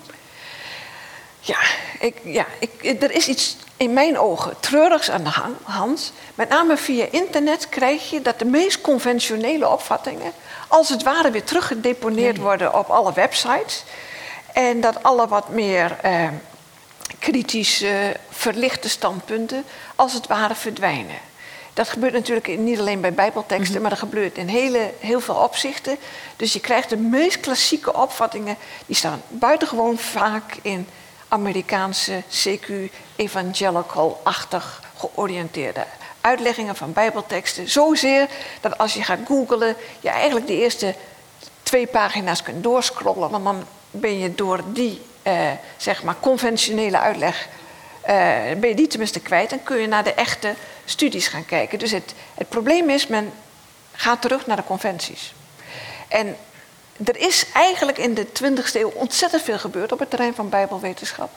Heel veel kennis van de omgeving van het oude nabije Oosten, historische kennis, kennis van de talen, is eigenlijk overal aanwezig, maar moeilijker toegankelijk. Ja.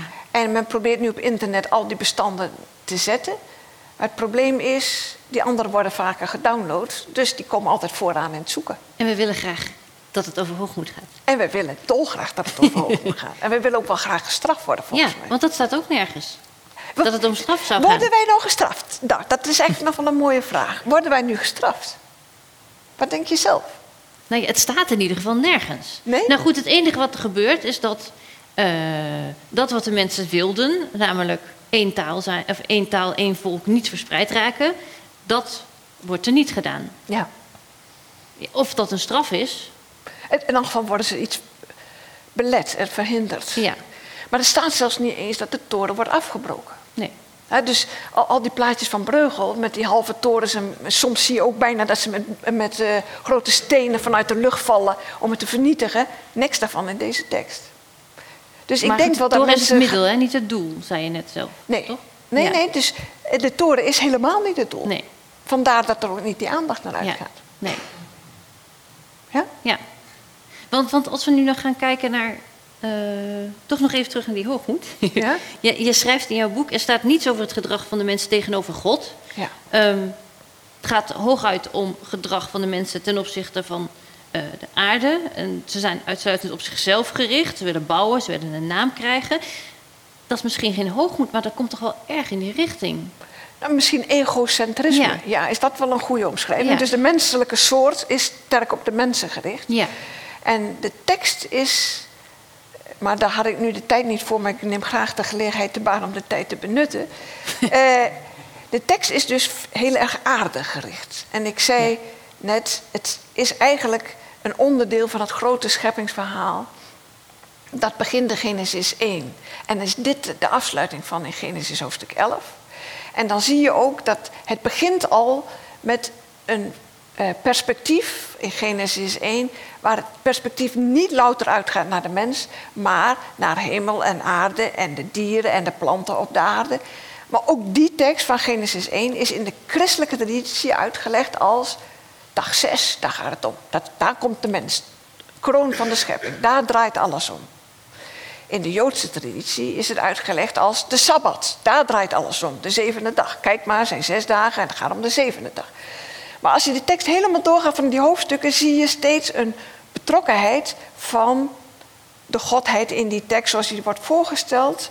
Een betrokkenheid voor de relatie tussen alle elementen op die hele aarde. Van planten, dieren, mensen die zich met elkaar moeten verhouden. En in dat kader zie je aan het einde dus met dit verhaal. Hoe noemen we het verhaal? We mogen het niet met Toren van Babel noemen. nou zeg jij het maar. Het verhaal van de verspreiding van de mensen over de aarde. Het verhaal van de verstrooiing. Dan neem ik het laatste woord weer op. Het verhaal van de verstrooiing van de mensen over de aarde. En de noodzaak van die verstrooiing, die eigenlijk al begonnen is van het begin af aan. En van die mensen die daar steeds maar tegen ingaan, omdat ze op zichzelf, op, op elkaar gericht zijn. Dus dat is eigenlijk de hele spiegel die de eerste elf hoofdstukken van Genesis de lezer voorhoudt. Weten we dat alvast. Elle van Wolde zei net tegen mij dat iemand uit het publiek gevraagd had om iets uit te leggen. En toen zei ze wat en dat verstond ik niet. En dat fluisterde ik nog even, dus laten we eerst dat maar even doen. Eh, eh, De vraag die ik kreeg was van... U, zag die letterlijke vertaling en in korte zinnetjes. Wat voor een type indeling is dat? Eh, wat ik, misschien kan die tekst nog geprojecteerd worden als dat mogelijk is. Juist. Wat u ziet zijn de nummertjes ervoor zijn versnummers. Die staan in elke Bijbel. Maar elk vers bestaat uit een aantal zinnen. En zoals in het Nederlands ook, je hebt samengestelde zinnen en enkelvoudige zinnen. Enkelvoudige zinnen zijn zinnen met één gezegde. En eh, dat kan met één of meer onderwerpen hebben. Dus het is een grammaticale indeling die grondslag ligt. Dus gewoon elke zin die wij, elke tekst die wij zeggen bestaat uit korte zinseenheden. En per zinseenheid is dat gewoon onder elkaar gezet. Dat is stapje 1 hier. Zodat je, wat is het voordeel daarvan? Je ziet de tekstopbouw heel goed. Je ziet welke handelingen er zijn. Plus dat alle directe redenen, dus als een personage eh, spreekt, dan zie je dat wat hij zegt, de directe reden, ingesprongen. En als je gewoon literair denkt, dan weet je dat eh, de directe reden die op naam staan van een eh, persoon, bijvoorbeeld de mensen zeggen, dat dat stukje tekst wordt eh, zo weergegeven alsof we mee kunnen luisteren met wat die mensen zeggen. En, en de verteller vertelt dus hier alsof de Godheid het spreekt, zodat we dat kunnen horen. En in, oh, dat is een, van de problemen in de moderne Bijbelvertalingen. Er staat heel vaak als de Godheid spreekt, staat er, eh, hij denkt. Hij denkt. Ja, dan staat er bijvoorbeeld, de Heer dacht. En dan, het lastige, wat, wat, wat denkt u dat de reden is? Het is heel goed te begrijpen waarom veel Nederlandse, de NBV heeft die gewoonte, als er staat, God dacht. Want als die spreekt, is de vraag, tegen wie dan? en als die spreekt en zegt, laten wij, tegen wie dan? Dus dat probleem wordt op die manier ook vaak wegvertaald. Is dat uit een soort onzekerheid ingebouwd? Dus niet alleen maar tegen wie, want dan moeten we iets gaan kiezen of zo, maar ook over, nou ja, wie weet heeft niemand het gehoord. En dat denken, dat kan die ook gewoon puur voor zichzelf doen. Het denken is voor zichzelf, terwijl de Uh-huh. tekst een, een zeker eh polytheïstisch godsbeeld heeft op de achtergrond. Dus dat er niet per se één God is, maar mogelijkerwijs meer. Ja, En dat wordt, dus dat soort kleinigheden in vertalingen heb je wel vaak. oké. En nou goed, en dat is dus in deze eh, weergave zie je dat heel duidelijk. Plus, eh, wat ook heel duidelijk zichtbaar is, dat zijn bepaalde zinnen, zoals hier. Vers 9, 9a, 9b, 9c, daarom noemt men haar naam Babel. Dan weten wij onmiddellijk dat hier de verteller aan het woord is. Bij, ja, maar de, met de nummertjes zou het toch ook genoeg moeten zijn. Eh, dus vers 9 komt voor rekening van de verteller, die als het ware een soort evaluatie aan het einde toevoegt. Die echt de moraal van het verhaal, zeg maar, even geeft. Dus als ik nog één vraag die mensen mij stelden in de pauze meteen maar beantwoorden. goed. Als ik wil zeggen, wat is denk ik de kern van het verhaal, dan denk ik dat dat vers 9 is. Hier geeft de verteller aan wat volgens hem de conclusie is van dit verhaal. Namelijk dat de mensen verspreid raakten over de aarde. Juist. En precies daarover Ehm. sprak ik in de pauze nog even met Salomon. En die zei tegen mij, ja, maar dat, dat de mensen graag op één kluitje willen wonen en één naam. En, en dat ze, bij wijze van spreken, God nodig hebben om verspreid te raken. Dat is onzin, want de geschiedenis van de mensheid laat juist zien dat mensen ten alle tijde reizigers zijn. En altijd op zoek gaan naar die plek waar net iets meer gras voor de schapen was. En net iets meer water voor, nou ja, enzovoort. Tuurlijk. Maar er is verschil tussen eh, hoe mensen iets duiden, en dat is met dit soort verhalen, en dat wat daadwerkelijk biologisch, geologisch, historisch gebeurd is. Kun je dat uitleggen? Ja, er is een. Kijk, eigenlijk gaan we het nu hebben over wat is een, een Bijbeltekst, wat is een verhaal? Is, heeft dat een rechtstreekse relatie tot de werkelijkheid waar het ontsta- ontstaan is? Of is het een duiding van de werkelijkheid? Geven mensen betekenis? Hier geven mensen betekenis aan een fenomeen dat ze tegenkomen, de veeltalen, de verspreiding. En dat duiden ze op een wijze dat ze God daarvoor verantwoordelijk maken. Dus dat is een, een, een uitleg van een verhaal met een bepaalde boodschap. Dat, die boodschap kunnen wij niet opgraven in de archeologie of in de geologie, want dat is een boodschap die mensen daaraan gegeven hebben, die ze verbonden hebben met een godsdienst. En die, daar hebben ze God verantwoordelijk voor gemaakt, zoals je zei, omdat ze er geen andere verklaring voor hadden. Nou, dat, ik denk als we hun perspectief volgen, omdat zij denken dat dat de juiste visie is. Niet omdat Ja. ze denken er is geen andere verklaring, omdat Ja. zij denken dat dat de bedoeling is. En dat kennen ze toe als de bedoeling van God. Ja. Het is niet alleen maar zo gebeurd, het is ook de bedoeling geweest. Ja. Zo. Ik, ik ga uit van de, van de nieuwsgierige mens. Die willen altijd, altijd nieuwe horizonten verkennen. Voor de schapen, maar ook voor jezelf. Wat ligt daar achter die bergen? Je ziet die bergen en dat roept vanzelf de vraag op van... eh, van eh, ja, wat ligt daarachter en zo. En als je kijkt, zelfs voordat wij spreken over Homo sapiens, bijna 2 miljoen jaar geleden hebben die mensen zich al via Afrika, eh, nou, Europa, India tot in eh, Indonesië, hè, waar, op Java de eerste mensachtige gevonden is door Eugène Dubois. Het was nog niet eens sprake van taal of van wat dan ook, maar toen al zijn de mensen verspreid omdat zij ja, niet alleen maar uit, uit, uit noodzaak of vanwege het groene gras, maar uit nieuwsgierigheid. Want, als je weggaat uit Afrika, je hoeft niet eens ver weg te gaan uit Afrika. Je vindt andere landschappen die ook goed zijn, waar je ook kunt wonen. Maar ook, ook als je kijkt uh, de Homo sapiens die uit Afrika zeg maar zo'n 60.000 jaar geleden gegaan is, die zich helemaal verspreid heeft tot in vuurland. En zo. Je kunt niet zeggen van ze hebben, ze hebben geen, uh, geen interessante landschappen tevoren, van tevoren gezien en ze zijn daar terecht gekomen. Maar dat stel jij ook niet.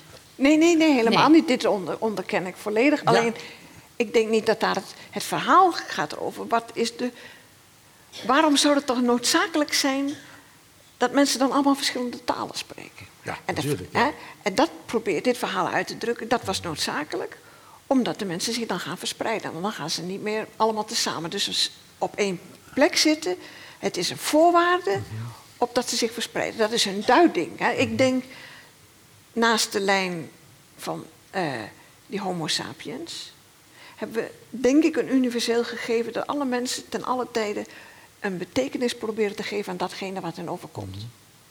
En daar zijn verhalen een vorm van, maar er zijn natuurlijk hele andere, andere uitingen ook een uh, vorm van. Dus oh, ik denk dat dat het ook eigenlijk het resultaat is van dezelfde type nieuwsgierigheid.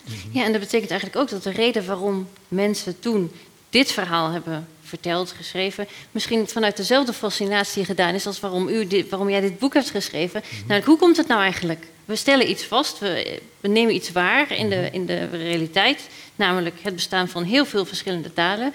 En we willen graag weten hoe, hoe komt dat? Wat, of, hoe komt dat? En ook hoe, wat betekent dat dan voor ons? En dat zijn misschien de twee, dezelfde fascinatie, dezelfde uitgangspunt en twee verschillende interpretaties. Twee ja. verschillende vragen. Ja. Maar, maar de, de, tegenstelling zit tussen hè, de, het, het, de, het idee dat je de mensen moet uh, verspreiden hè, om verschillende talen te. dat je ze verschillende talen geeft om zich te verspreiden. Maar in feite is het andersom gegaan natuurlijk. Hè. Want wat er gebeurd is, waarom gaan, zijn er 6000 talen? Hè, omdat uh, je in berggebieden waar mensen op een gegeven moment door wat voor historische omstandigheden terechtkomen, de mensen steeds verder van elkaar geïsoleerd raken, de taal zich onafhankelijk uh, ontwikkelt.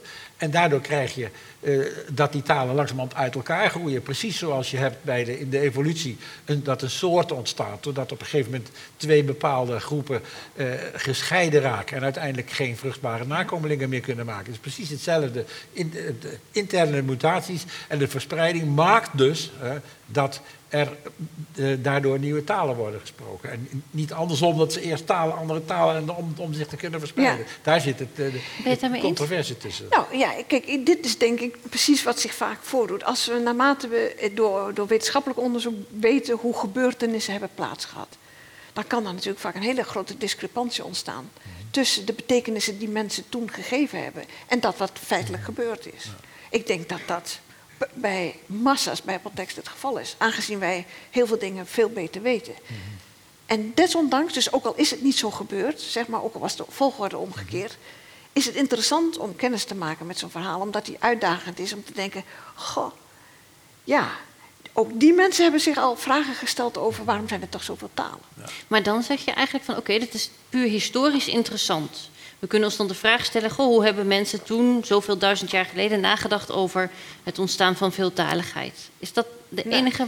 Nou, ik, ik, zit, ik blijf haken bij het woordje historisch. Uh, ik zou eerder denken: het is interessant om ons ook aan het denken te Mhm. zetten. Ja, hoe dan? Uh, nou, dat, dat wij ons afvragen. Nou, eh, heel goed voorbeeld. In Nederland nu is er een groot ideaal van gelijkheid. Ja. Iedereen is eigenlijk gelijk. Eén, eenduidigheid, één is een groot ideaal in Nederland. Dan lees je zo'n tekst waarin juist veelvormigheid, diversiteit een ideaal is. En waar verschillen natuurlijk op een bepaalde wijze worden uitgelegd, maar verdedigd worden. Mhm. Als zijnde door God gewild. Ja. Nou, dan denk ik dat kan een waardevol oriëntatiepunt zijn. Nu in gesprekken met veel mensen uit veel culturen. Mhm. Waardoor we ze niet opleggen op dezelfde wijze te denken zoals wij.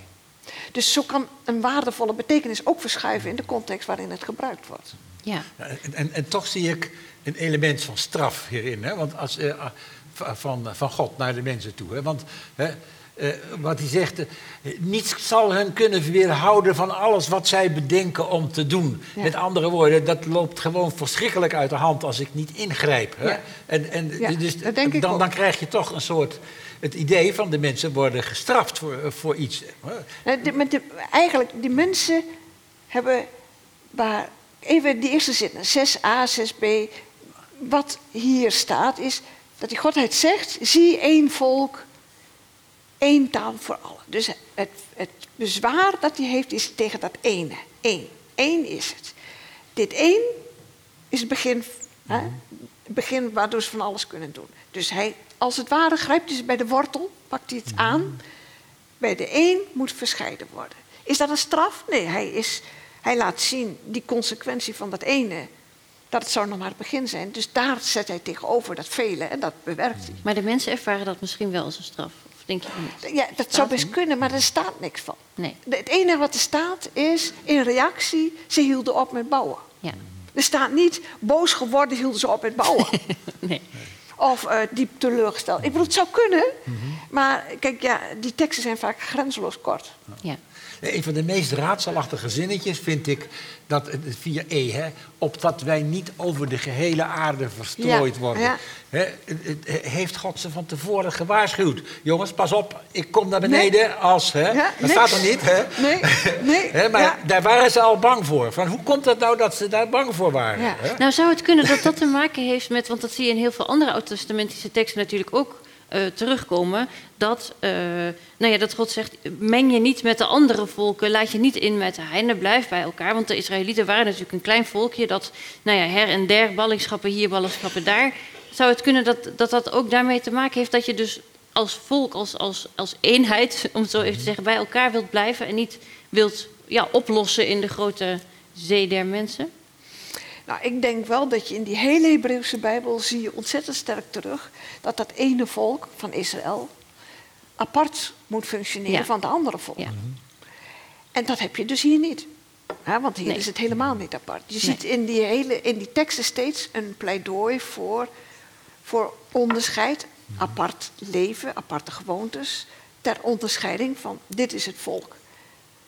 Van deze godheid, dat is een volk, een andere godheid kan een ander volk hebben, maar dit volk, volk moet apart staan. Maar dit, deze, thema, eh, sorry, deze thematiek wordt hier nog niet geëxpliciteerd. We kunnen dat meedenken, want we kennen meer van die teksten, maar het Ja. wordt nog niet duidelijk geëxpliciteerd. Nee. Nou ben jij bouwer van de toren van Babel. Ja. En jij hoort hier a- alle mensen in al die verschillende talen om je heen, die hoor je praten. dat- En je, je hoort dit verhaal, dan denk je toch, waar hebben ze het over? En dan denk je toch van, ja, er zijn al zoveel talen. We zijn gewoon aan het bouwen. Wat, wat, wat is het probleem? Heb je niet de neiging om van stiphout gelijk te geven? En te zeggen van, ja, hè, dit is een bepaalde manier om... Hè, eh, spindokters noemt hij het, hè, maar Ja. van het, voor het christelijk geloof of van het Joodse... om de Joden bij elkaar te houden. In zekere zin dat het, dat het veel meer een soort propagandistische tekst is... eh, dan een, een verklaring voor, voor, voor die veeltaligheid om je. Ik, ik zou denken van, ja, ook hier in Nederland, je hoeft maar in de trein te zitten... en je leest Ja. dat stukje en je denkt van, waar gaat dit over? Hè? Dat, dat, dat, dat is, heeft geen enkele binding met de realiteit waarin je dat moment in leeft. Ja, ik, ik weet het niet. Eh, ik zit me af te vragen of ik zowel verklaring of eh, spindokter en zelfs elkaar vind uitsluiten. Ik denk dat voor een deel ik het als verklaring zie. Hè, dus dat mensen willen... Waar, wat is toch de noodzaak? Waarom zijn al die talen in Ja, feite precies. dezelfde Ja, fascinatie ja, die jij hebt? ook. Waarom zijn al die talen nodig? Dus daar een uitleg van. Van de andere kant denk ik ook dat in dit soort teksten spindokters aan het werk zijn. Maar niet alleen bij deze, dat denk ik bij heel veel van dit soort teksten. Die zijn natuurlijk ook gemaakt met een bepaalde bedoeling. Ja, ja. En niet alleen een bedoeling terugkijkend, maar vooral met een bedoeling om te sturen. Nou, eh, en dat hangt natuurlijk af waar het in, in welke setting het functioneert. Als het functioneert nog in Babylon voor de groep uit Judi- Juda die daar zat, kan het anders functioneren als daarna, wanneer ze een grote groep weer teruggekomen is en dezezelfde teksten nog weer gebruiken. Dus het, het lastige is, in de context van gebruik kunnen dingen ook gaan verschuiven. Nou, en eh, dat het opgenomen is in de finale tekst van de Bijbel zoals die er is, wil in elk geval laten zien dat men het vindt dat het in veel contexten steeds opnieuw gebruikt kan worden om dingen uit te leggen. En om mensen te oriënteren in een bepaalde richting. En ik hoor jullie nu ook, jullie gebruiken nu allebei het woord spindokter. Uh, maar volgens mij op een hele andere manier, of in ieder geval met een hele andere lading. Want jij zegt eigenlijk van ja, dat is een soort propaganda-achtig iets om mensen iets te geloven wat niet overeenkomt met de feiten. Uh, terwijl jij het in een hele andere context bedoelt. Kunnen we, daar nog, kunnen we dat nog even een beetje meer uit, uh, uitzoeken? Want wat is nou precies de bedoeling van zo'n tekst? En moeten wij ons erover opwinden als die inderdaad niet klopt met de gegeven feiten? Omdat nou ja, geologen en andere wetenschappers zeggen: ja, het, het, klopt gewoon niet. Het kan niet, want ik heb het hier opgegraven. Of het, hè, ik heb hier een mooie tekst gevonden en die beweert het tegendeel. Nou, het verhaal van Van, van Stiphout komt voort uit het feit dat hij zegt van Horus, hè, het, het, uh, en Markar en de heer van ja. Stiphout, dat was dus de Groningse Assyrioloog. Mm -hmm. En die in het boekje van Ellen, dat Ellen geredigeerd heeft, mm -hmm. hè, daar schrijft hij.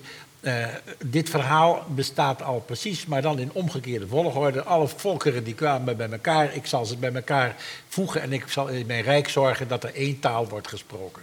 He, dat is een, een, verhaal wat 1500 jaar ouder is uh, en mm -hmm. wat in feite ook gebeurd is. Hè? Want dat, dat is de historische werkelijkheid. Dat iedereen uiteindelijk Aramees is gaan spreken. Of dat dat Aramees een soort lingua franca is geworden, mm -hmm. zoals het Engels nu lingua franca is. En, maar wat dit verhaal vertelt, is precies het omgekeerde. En hij van Stiphout veronderstelt kennelijk dat er een, een, hele serieuze bedoeling is geweest om dit verhaal in omgekeerde volgorde te vertellen. Of te vertellen zoals het nu in de, zoals het nu in, in de Bijbel staat. Ja, en daar, die bedoeling, ja. daar gaat het om. Ja. Ik denk dat van Stiphout het, uh, het verhaal niet, ook niet in die vorige versie, in die omgekeerde versie, bedoeld heeft of geïnterpreteerd heeft als een verslag van een feitelijk gebeuren. Mm-hmm. Ik denk ook dat hij het ook gelezen heeft als een literair fenomeen. Net zoals ik dat ook doe. Dus ik zie dit soort verhalen überhaupt niet als een verslag van wat daadwerkelijk gebeurd is. Mm-hmm. Ik denk wel dat het nuttig is om te weten wat er daadwerkelijk gebeurd mm-hmm. is. Om te begrijpen in wat voor context dit soort vragen kunnen opkomen. Maar dat is wat anders. Maar als ze niet letterlijk gebeurd zijn, zijn ze dan ook zonder betekenis? Wat moeten we dan met zo'n verhaal? Nou ja, in mijn visie zou het daardoor betekenisvoller worden. Mhm. Want als, kijk, we hebben natuurlijk eh, de dingen die feitelijk gebeuren, zijn maar één kant van de zaak. En de, de waarde die we eraan hechten. En uh, met de waarde bedoel ik ook hoe wij denken dat we zouden moeten leven. Krijg je natuurlijk nooit uit feitelijke gebeurtenissen. Ja. Hoe je moet leven, of wat je met je leven wilt doen, of wat je waardevol acht. Zul je uit andere elementen moeten halen dan uit het feitelijke gebeuren zelf. En ik denk op dat niveau zijn bijbelteksten heel belangrijk. Ja. Maar als jij nou een, een, pleidooi zou moeten schrijven voor die diversiteit in taal en cultuur en zo, dan zou je niet zo'n verhaal schrijven. Ja, nou eigenlijk wel. Ja? ik, ik moet zeggen, ik heb heel veel jaren gedacht, goh, hoe kan... Kijk, ik zal even persoonlijk verhaal. Ik, heel veel jaren dacht ik, wat zou toch de zin zijn van zoveel verspreiding en zoveel talen? Toen kwam ik een aantal jaren geleden in Australië terecht.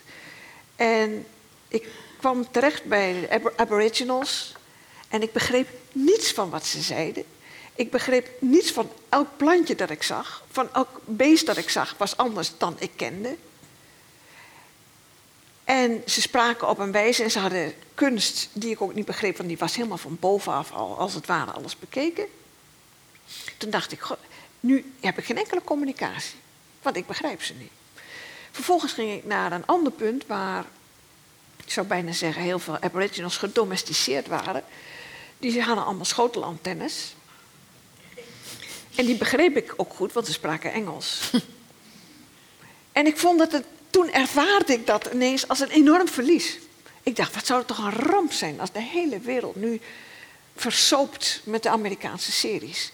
Dus toen ervaarde ik echt het grote geluk van de verscheidenheid, daadwerkelijk. Ja. Ik, ik heb daar zo'n prachtig verhaal over die Australische Aboriginals. Ik ben er nooit geweest, maar een van de verhalen van de, de, de, de, unieke taalconstructies die een van die volkeren kent. Ik kan de naam kan me niet, niet direct herinneren.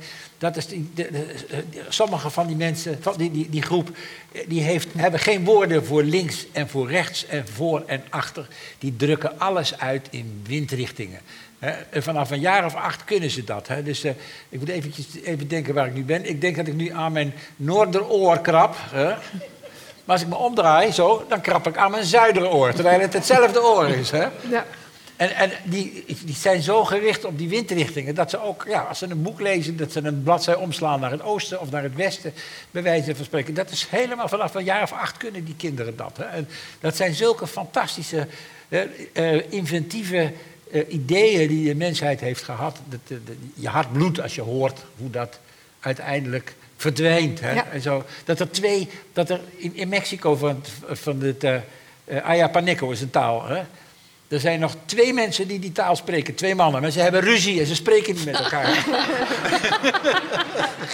Geniaal. Ja. Gaan we echt terug naar het begin. Kain en Abel en zo. Ja, Je krimpt je hart als je het hoort. Ja. ja, want het is eigenlijk ook de conclusie van uw boek. Hè? Van de- u zegt letterlijk, de straf van Babel is blijkbaar uitgewerkt... want nu eh, krimpt het aantal talen weer. We gaan weer toe naar... Ja, dat dat, is heel het punt. Hè? Hoe, ontstaan, Ja. hoe ontstaan die talen door isolatie? Hè? Ik heb er, eh, een tijd lang in Dagestan gewerkt, aan de Kaspische Zee, eh, Noord-Caucasus. daar wonen 2 miljoen mensen en die spreken 33 talen die elkaar niet kunnen verstaan. Ze hebben allemaal Russisch als lingua franca daar tegenwoordig. En elk dal, hè, daar leeft weer een geïsoleerde gemeenschap waar je alleen maar met je neef of met je achternicht kunt, kunt trouwen. En die hebben zo weinig contact dat die talen allemaal zo uit elkaar gegroeid zijn. Dat, dat ze eigenlijk allemaal eh, uniek geworden zijn. Hè. Dus, en daar zeggen ze, hoe komt je aan die taaldiversiteit? Als je, dat, dat gevraagd aan die mensen. Ja, zeiden ze, toen God de talen verdeelde over de aarde... toen is een ezeltje gestruikeld over de Caucasus... en is de hele talenzak leeggelopen. Hè, maar ja, daar, zie je dat. En, en dat is, dat is, dat is, zie je de relatie tussen, tussen landschap en taal. Want in de, in de, in de vlakke gebieden. Daar komt elke 2000 jaar een nieuwe taal overheen. Kijk maar naar Mesopotamië. Eerst eh, Sumerisch en dan Akkadisch en dan Aramees en dan eh, Arabisch nu. Maar, maar, Ja. maar in die bergdorpen, daar blijft het allemaal hetzelfde. Maar het beroerde is, niemand is meer geïsoleerd. Iedereen hè, die communiceert met iedereen. Hè.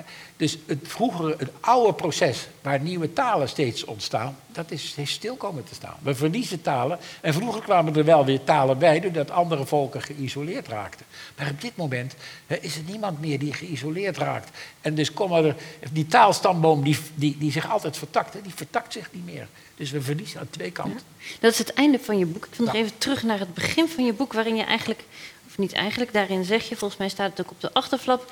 ehm, nou ja, ik vind het zo snel niet, maar in ieder geval.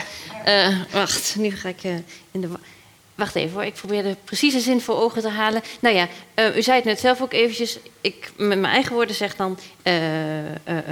mensen hebben elkaar... of mensen, mensen van alle soorten uit en alle windrichtingen... kunnen kinderen met elkaar krijgen. Alleen de taal die we nodig hebben om elkaar daartoe te leren kennen... die, ja, die hebben we vaak niet, omdat mensen andere talen spreken. Ehm, Elle, de conclusie uit dit verhaal hebben we net ook gezegd is...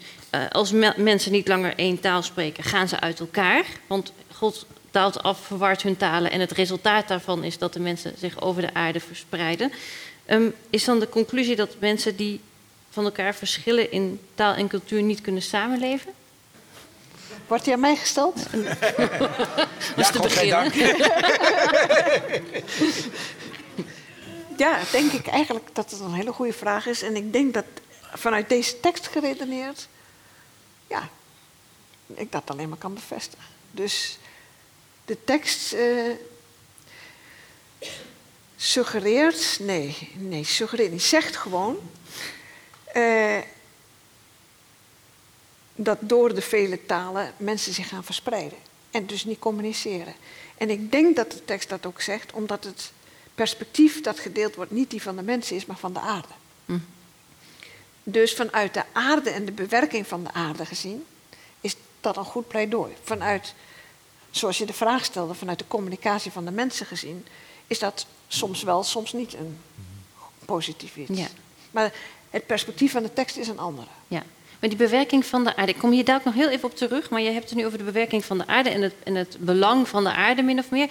Is die eigenlijk wel dan, dat die, waarom zou die bewerkt moeten worden? Nou, kijk, dan moet ik even binnen die tekst, eh, dan, voor degenen die nummertjes van nummertjes houden, Genesis hoofdstuk 2, vers 4, 5 en 6 en 7 staat in. Uh, de Heer God had de aarde en hemel nog niet gemaakt. En de aarde had nog geen planten, want er was nog geen vocht en er was geen mens om de aarde te bewerken. Toen maakte hij de mens om de aarde te bewerken. Nou, dan krijg je vervolgens een heel verhaal over een paradijs. Maar ook daar wordt heel duidelijk de relatie tussen mens en aarde geformuleerd als een wederkerige relatie. De aarde kan er niet zonder, en daar heb je in het, in het Hebreeuws, hoor je dat ook qua klank. Mens is Adam, dus het woordje, de eigen naam Adam.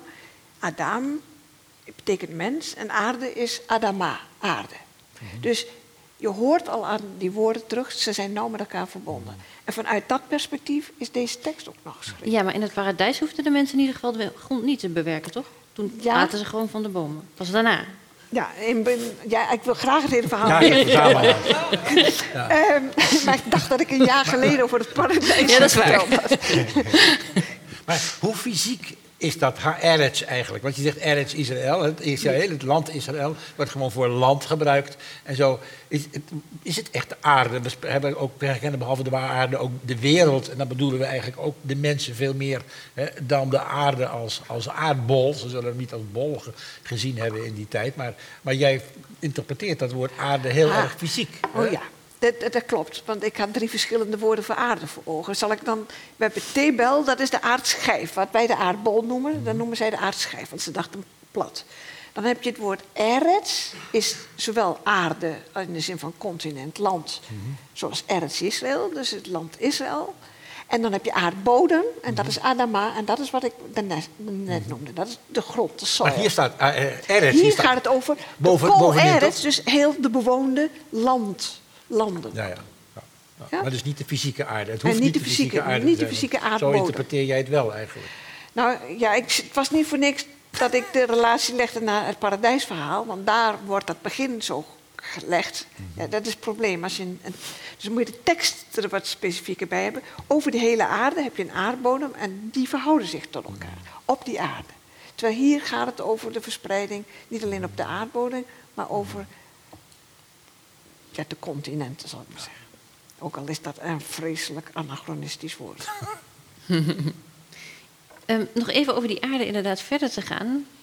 De aarde wordt bewerkt, de mensen verspreiden zich.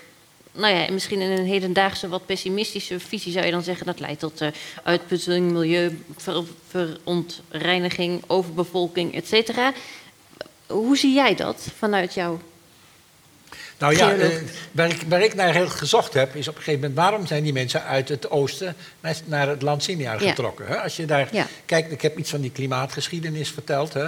Nou, uh, het, het kan bijvoorbeeld zijn dat er overbevolking is, hè? dus dat er gewoon niet genoeg grond is. Maar het kan ook zijn, als je kijkt, hè, zo 8000 jaar geleden, hè, dat is een periode van bekend is dat er plotselinge droogte is opgetreden. Heel mhm. groot smeltwatermeer in, in Noord-Amerika is in de oceanen leeggelopen, wat een soort, soort koude stuip gaf. Hè? Dus ja, het, de, de drijfveren om de mensen om weg te gaan kunnen nieuwsgierigheid zijn, maar dat kunnen ook milieuomstandigheden geweest zijn. Het, het, is niet altijd makkelijk aan te tonen. Hè. Ik bedoel, ik, ik, ik, geef als voorbeeld vaak ook, uh, ja, je kunt niet uh, beweren dat Napoleon uh, Europa wou veroveren omdat hij te weinig ruimte voor de Fransen had in de, in de, in de kleine ijstijd. Hè? Want dat was kleine ijstijd, dat, dat, dat hij met zijn, zijn veroveringen richting Moskou ging en zo. En dus ja, dat zijn altijd is een heel complex mm van, de, van factoren die daarbij een, een, rol speelt. Maar volgens mij is, is ja, enerzijds een potentaat die, die, die zegt van uh, ja, wij moeten verder. Hè? Dus uh, de Genghis Khan's en de, van, de, van deze wereld, of van de wereld die, die, die daar ook echt mm uh, hun volkeren hebben aangespoord om, om, om andere gebieden te veroveren. En, en anderzijds, ja, ook klimatologische omstandigheden die maken dat of de mensen te veel in het gedrang komen, of dat ze juist nieuwe mogelijkheden zien. Het is niet eenduidig wat daar dan. nee. nee. nee. Dan, dan, ik zie dat het alweer. Nou ja, het is vijf over half tien. Ik heb net al gezien dat er volgens mij ook in de zaal allerlei uh, vragen zijn. Ik wil nog één laatste vraag stellen. Want dit zei ik net al dat ik dat wilde doen. En dan ga ik naar u. Dus uh, hou me nog even vast, uw dringende vraag. Um, ja, dus nog even naar de conclusie van dit verhaal. Uh, schrijft ook in jouw boekje onze idealen naar gelijkheid, naar eh, misschien wel gelijkwaardigheid, naar alle mensen werden broeder, ehm, dat elkaar kunnen verstaan, elkaar kunnen begrijpen, die, dat streven wordt eigenlijk hier in dit verhaal door God onderuit gehaald. We moeten niet willen streven naar eenheid, we moeten zelfs misschien wel niet willen streven naar verstaan, begrijpen. Maar hebben we dit adagio juist niet heel erg nodig? Juist in deze tijd van polarisering en van ja, vluchtelingenstromen. Moeten we niet juist. Hoe moeten we dit verstaan? Nou, kijk, er zijn natuurlijk verschillende verhalen die allemaal een eigen boodschap hebben. Ja. En ik zou in de huidige discussie dan vooral eh, willen benadrukken dat we niet de verscheidenheid moeten willen opheffen. Mhm. Eh, om vervolgens weer een ander verhaal te benutten om te zeggen, maar we moeten wel in gesprek gaan met elkaar. Ja. Dus eh, we moeten natuurlijk wel vaak de talen leren van elkaar om te begrijpen hoe anders, anders mensen kunnen denken. Ja. die voorbeelden die we van die Australiërs horen. Het is vaak heel interessant om een, in een andere taal aan te leren, om te beseffen hoe beperkt onze eigen taal de wereld heeft geordend en gecategoriseerd. Wij zijn zo gewend zo te kijken, pas in confrontatie met iemand die anders denkt, ga je denken, oh, zo had het ook gekund. En die uitdaging zou ik beslist willen onderstrepen. Maar dat element staat nou net niet in dit verhaal. Nee. Dus daar zou ik een ander verhaal voor pakken. ja, en betekent dat ook dat we die verhalen eigenlijk niet los van elkaar kunnen slash mogen lezen? Dat we. Ik denk wel best dat we ze los van elkaar mogen lezen. Kijk, er zijn altijd twee dingen. Je hebt hoe een verhaal gefunctioneerd heeft in zijn oorspronkelijke context. Mhm. Daar moet je denk ik zoveel mogelijk recht aan doen om vervolgens te zeggen, maar als wij het willen gebruiken als verhalen die ons uitdagen om na te denken en positie in te Mhm. nemen, kunnen wij het er soms volslagen mee oneens zijn. Ja, En zullen we zeggen, bepaalde aspecten vinden we goed en andere vinden we niet goed. Dus we, we moeten niet onze eigen denkkracht afleggen omdat het bijbelteksten zijn. Nee, zeker niet. Maar ik bedoel, dan zou je dus kunnen zeggen, als je, als je zou kunnen zeggen, we mogen al die verhalen gewoon los van elkaar eh, lezen, dan zou je in dit geval kunnen zeggen, nou ja, dat is, dat is eigenlijk die polarisering, dat is eigenlijk prima zo. Want mensen kunnen inderdaad niet, mensen Ja. met verschillende achtergronden, verschillende talen en culturen, die kunnen ook niet samenleven en dat hoort ook niet. Dat is ook, ja, dat, zo, zo heeft God het gewild, zou je zelfs nog kunnen zeggen. hè? Ja, dat zou ik niet zeggen. Nee, dat hoopte ik al. Ik zou dan zeggen, dat is in ieder geval een waardevolle bijdrage van dit verhaal. Wat? Dat we zeggen dat die mensen een eigen onderscheidenheid hebben en niet te reduceren zijn tot één. Ja, er zijn geen universele waarheden. Nee, Ja. ik geloof ook niet in universele waarheden. Kijk, het is natuurlijk vaak een beroep op God om vervolgens te zeggen dat als God het zo gewild is, heeft, dat het daarmee tot universele wet wordt verklaard. Mm. Vandaar dat dat ook een gevaarlijke uitspraak Ja. is. Dus dat zal ik niet ja. Nee. Mag ik nog een heel kort vraagje stellen over, eh, over de volgorde? Want eh, is het niet gewoon zo dat, eh, dat er een foutje is gemaakt met knippen en plakken met, eh, tussen 11 en 10 en zo? Want dat, dat zou je toch haast zeggen als je dit zo ziet. Hè? Verkeerd aan elkaar genaaid papier is. Nou, op zich kan dat best, want dat is bij meer tekst het geval. Maar we zien wel heel veel vaker in Bijbelteksten het geval dat eerst iets algemeens wordt verteld en vervolgens wordt ingezoomd op een onderdeel. Dus dat eerst wordt gezegd, eh, God stelde Abraham op de proef en dan vervolgens wordt uitgelegd hoe hij dat doet met het offer van, Ab- eh, van Isaac. Dus hier heb je ook eerst het verhaal, het algemene verhaal van de bevolkingsgroepen over de hele aarde, om vervolgens in te zoomen op een onderdeel, de noodzaak ervan. Dat patroon zie je heel vaak terug. Een soort box wat je in met moderne tekstboek ziet en zo. Hè? Ja, ik noem het fractals. Fractals. Dus fractals. Oh, ja. Daar kun je ook inzoomen en elke keer heeft het zijn eigen patroon. Ja, ja. Dankjewel. Wie in de zaal mag ik het woord geven? Die meneer daar achteraan. Graag korte vraag, want ik geloof dat er een heleboel zijn. Ah, wacht u op de microfoon, want anders kunnen de mensen het niet verstaan. Ik heb niet onmiddellijk wat te vragen, dat laat ik aan anderen over. Ik heb wat op te merken. Jammer dat die tekst nou verdwijnt, maar ik heb de nummertjes onthouden. Ik heb geleerd om dat te doen. Eh, Daar is hij weer. ja, daar, ik bedoel, is hier niet sprake van... Ik zag, ik zag straks die kaft, die geweldige kaft waarmee u, meneer Kronenberg... zich ongetwijfeld ooit met Russisch hebt bezig gehouden, van Karel van Dreven. En die heeft ooit een befaamd opstel geschreven over de ongelooflijke slechtheid van het opperwezen. nou, en die heerlijk. begint hier al in Genesis kennelijk bij, eh, bij nummertje eh, wat is het daar? Eh, kom, laten we naar beneden gaan. Want dit is het begin van hun doen. Nou, hier begint de dwingeland al. Dit is het begin van hun doen. We moeten nu in actie komen. En uh, ja, verdeel en heers, dat is hier de aanbeveling. En zo kennen we hem ook uit de rest van het hele Oude Testament. En hier wilt u graag, hier wilt u graag een reactie op, hè? God als dwingeland. Dit gooi ik nu in de groep. Ja, goed. De groep zijn er twee. Oké. Wie van jullie wil hier graag op reageren? Het is, dit, dit soort dingen zijn altijd. Het zit in de terminologie natuurlijk. op het moment van dwingeland eh, klinkt het als iemand die zijn zin wil doordrijven en op een negatieve manier. Wat ik denk dat je in de hele Hebreeuwse Bijbel of Oude Testament heel duidelijk ziet, is dat er een relatie is tussen een heer en een volk. Dus er, er is een, die, de relatie is hiërarchisch. Dat is de samenleving van die tijd. Dus de, de, de koning is de baas, de godheid is daar weer de baas van. Om die te benoemen als dwingeland, ja, is in elk geval een ja, een heel moderne wijze van denken die niet zozeer past bij die tekst. Terwijl die tekst natuurlijk ervan uitgaat dat de godheid absolute zeggenschap heeft. Dus ja. Uh...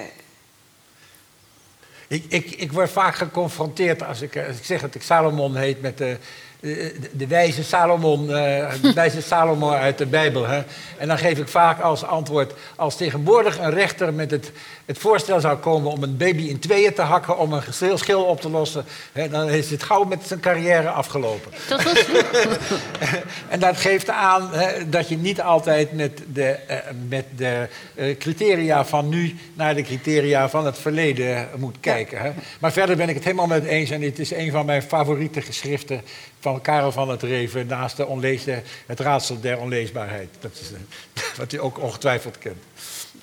Wie is de volgende? Daar zit de meneer met geruite blouse en dan die meneer hiervoor. Daarna wil ik graag een vrouw.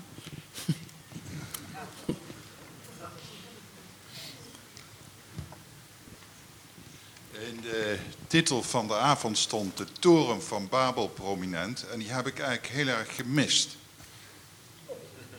Je ja. zegt Behalve de binnenplaats misschien nog en een paar fundamenten. En ik was eigenlijk wel nieuwsgierig of uh, u beiden iets zou kunnen vertellen over de functie die die toren van Babel in die periode heeft gehad. En of die wellicht daardoor een bepaalde betekenis heeft gehad ten opzichte van de positie van het Joodse volk. Dank u. Dat is een helder, heldere vraag, denk ik. Nou, Allereerst denk ik dat we het wel over de toren van Babel hebben gehad. Het hele eerste verhaal ging het erover. Maar even strikt, nu gaan we even strikt materieel kijken. In Babylon stond de toren Etemenanki. Die, wat de functie was, is dan even de vraag. Er zijn, eh, over het algemeen ziet men twee functies. De eerste is eh, dat bovenop de Sigurat-toren mogelijkerwijs een kleine tempel was met een offerplaats. Dat is uitleg 1. Uitleg 2 is dat men op die toren dichter bij de sterren was en naar de sterrenhemel keek. Uh, in dit boekje zegt van Stiphout, nou, de omgeving daar kennende, zie je, die lucht is zo helder, dat zie je boven goed, maar zie je op de grond even goed. Maar tegelijkertijd is er een ander element waar die beide met elkaar verbindt. Aangezien men de, in Babylonië de goden verbond met de sterren en de sterrenbeelden. En de sterren in hoge mate het lot van de mensen op aarde bepaalden. Er ook niet direct een scheiding was tussen de sterren die de goden uh, verbeelden en de goden zoals ze op de aarde waren, krijg je een veel sterkere verbinding tussen sterren en aarde, die ook uitgedrukt zou kunnen worden door de functie van zo'n sigurat. Maar met name dat punt is binnen het Jodendom eigenlijk afgewezen. Want één, men zag sterrenbeelden en sterren helemaal niet als goddelijk. Maar als gemaakt door de godheid. Zie onder andere Genesis 1. Uh, eh, en men heeft ook hier in deze tekst, is er helemaal geen sprake van offers op die toren. Hier in deze tekst lijkt het gewoon als een symbool van hun eigen macht en hun eigen functioneren te zijn. Dus samengevat, er is een verschil tussen wat die toren van Babel feitelijk heeft, uh, heeft betekend binnen Babylonië, Mesopotamië en in bepaalde perioden. En dat wat ervan gemaakt is in dit verhaal. Een, een, ziggurat is eigenlijk niks bijzonders. Elke stad die zich een beetje respecteerde, die had er een. In Nippur stonden er drie. En van een aantal daarvan zijn nog, is veel meer bewaard gebleven dan die van, dan die van Babylon. Net zoals nu elk dorp een kerk heeft, had elke beetje grotere nederzetting, die had zo'n zo'n ziggurat. En de toren van Babel is dus eigenlijk wat dat betreft niks bijzonders. Hè? Dus uh, hij, hij, had een, wat voor functie had, ja, dat is, daar is eigenlijk niet heel veel over geschreven, begrijp ik, uit, uh, uit de, het boekje van Ellen en andere dingen die ik erover gelezen had. maar, maar dat je er eentje hoorde te hebben, in welke stad dan ook, dat, dat, dat sprak voor zelf. Ik wil er nog even aan toevoegen dat die, die, die, ziggurat, die was maar 90 meter hoog, hè, volgens Kolderwij. En, en als je dat ziet, dan denk je van ja, waar, eh, waar maakte God zich druk over? Hè? Want, 90, hè? want de, de, 1500 jaar eerder hadden de Egyptenaren al een piramide gebouwd die 150 meter hoger was dan dat. Hè? Mozes stond op de berg Sinai op 3000 meter. Noach stond op de, op de, op de ark op 5000 meter. Dus wat, wat, wat, waar maak je nou druk over? Zo'n bergje van 90 meter. Nou, daar, hoef, daar, hoef, je toch niet druk over te maken. Het ging het niet over de hoogte van de toren, hebben we net gehoord.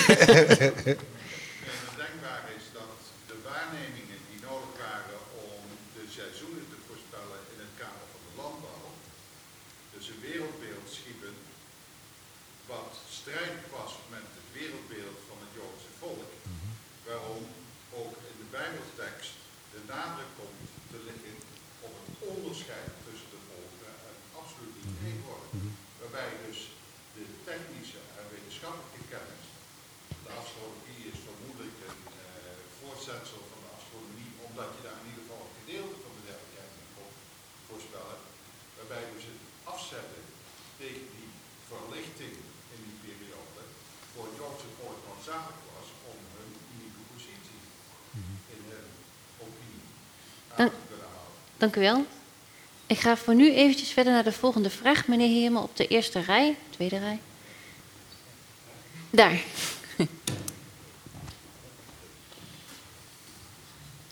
Ik heb nog een uh, vraag. Um, meneer Stiphout die heeft gezegd van, uh, dat verhaal is eigenlijk andersom.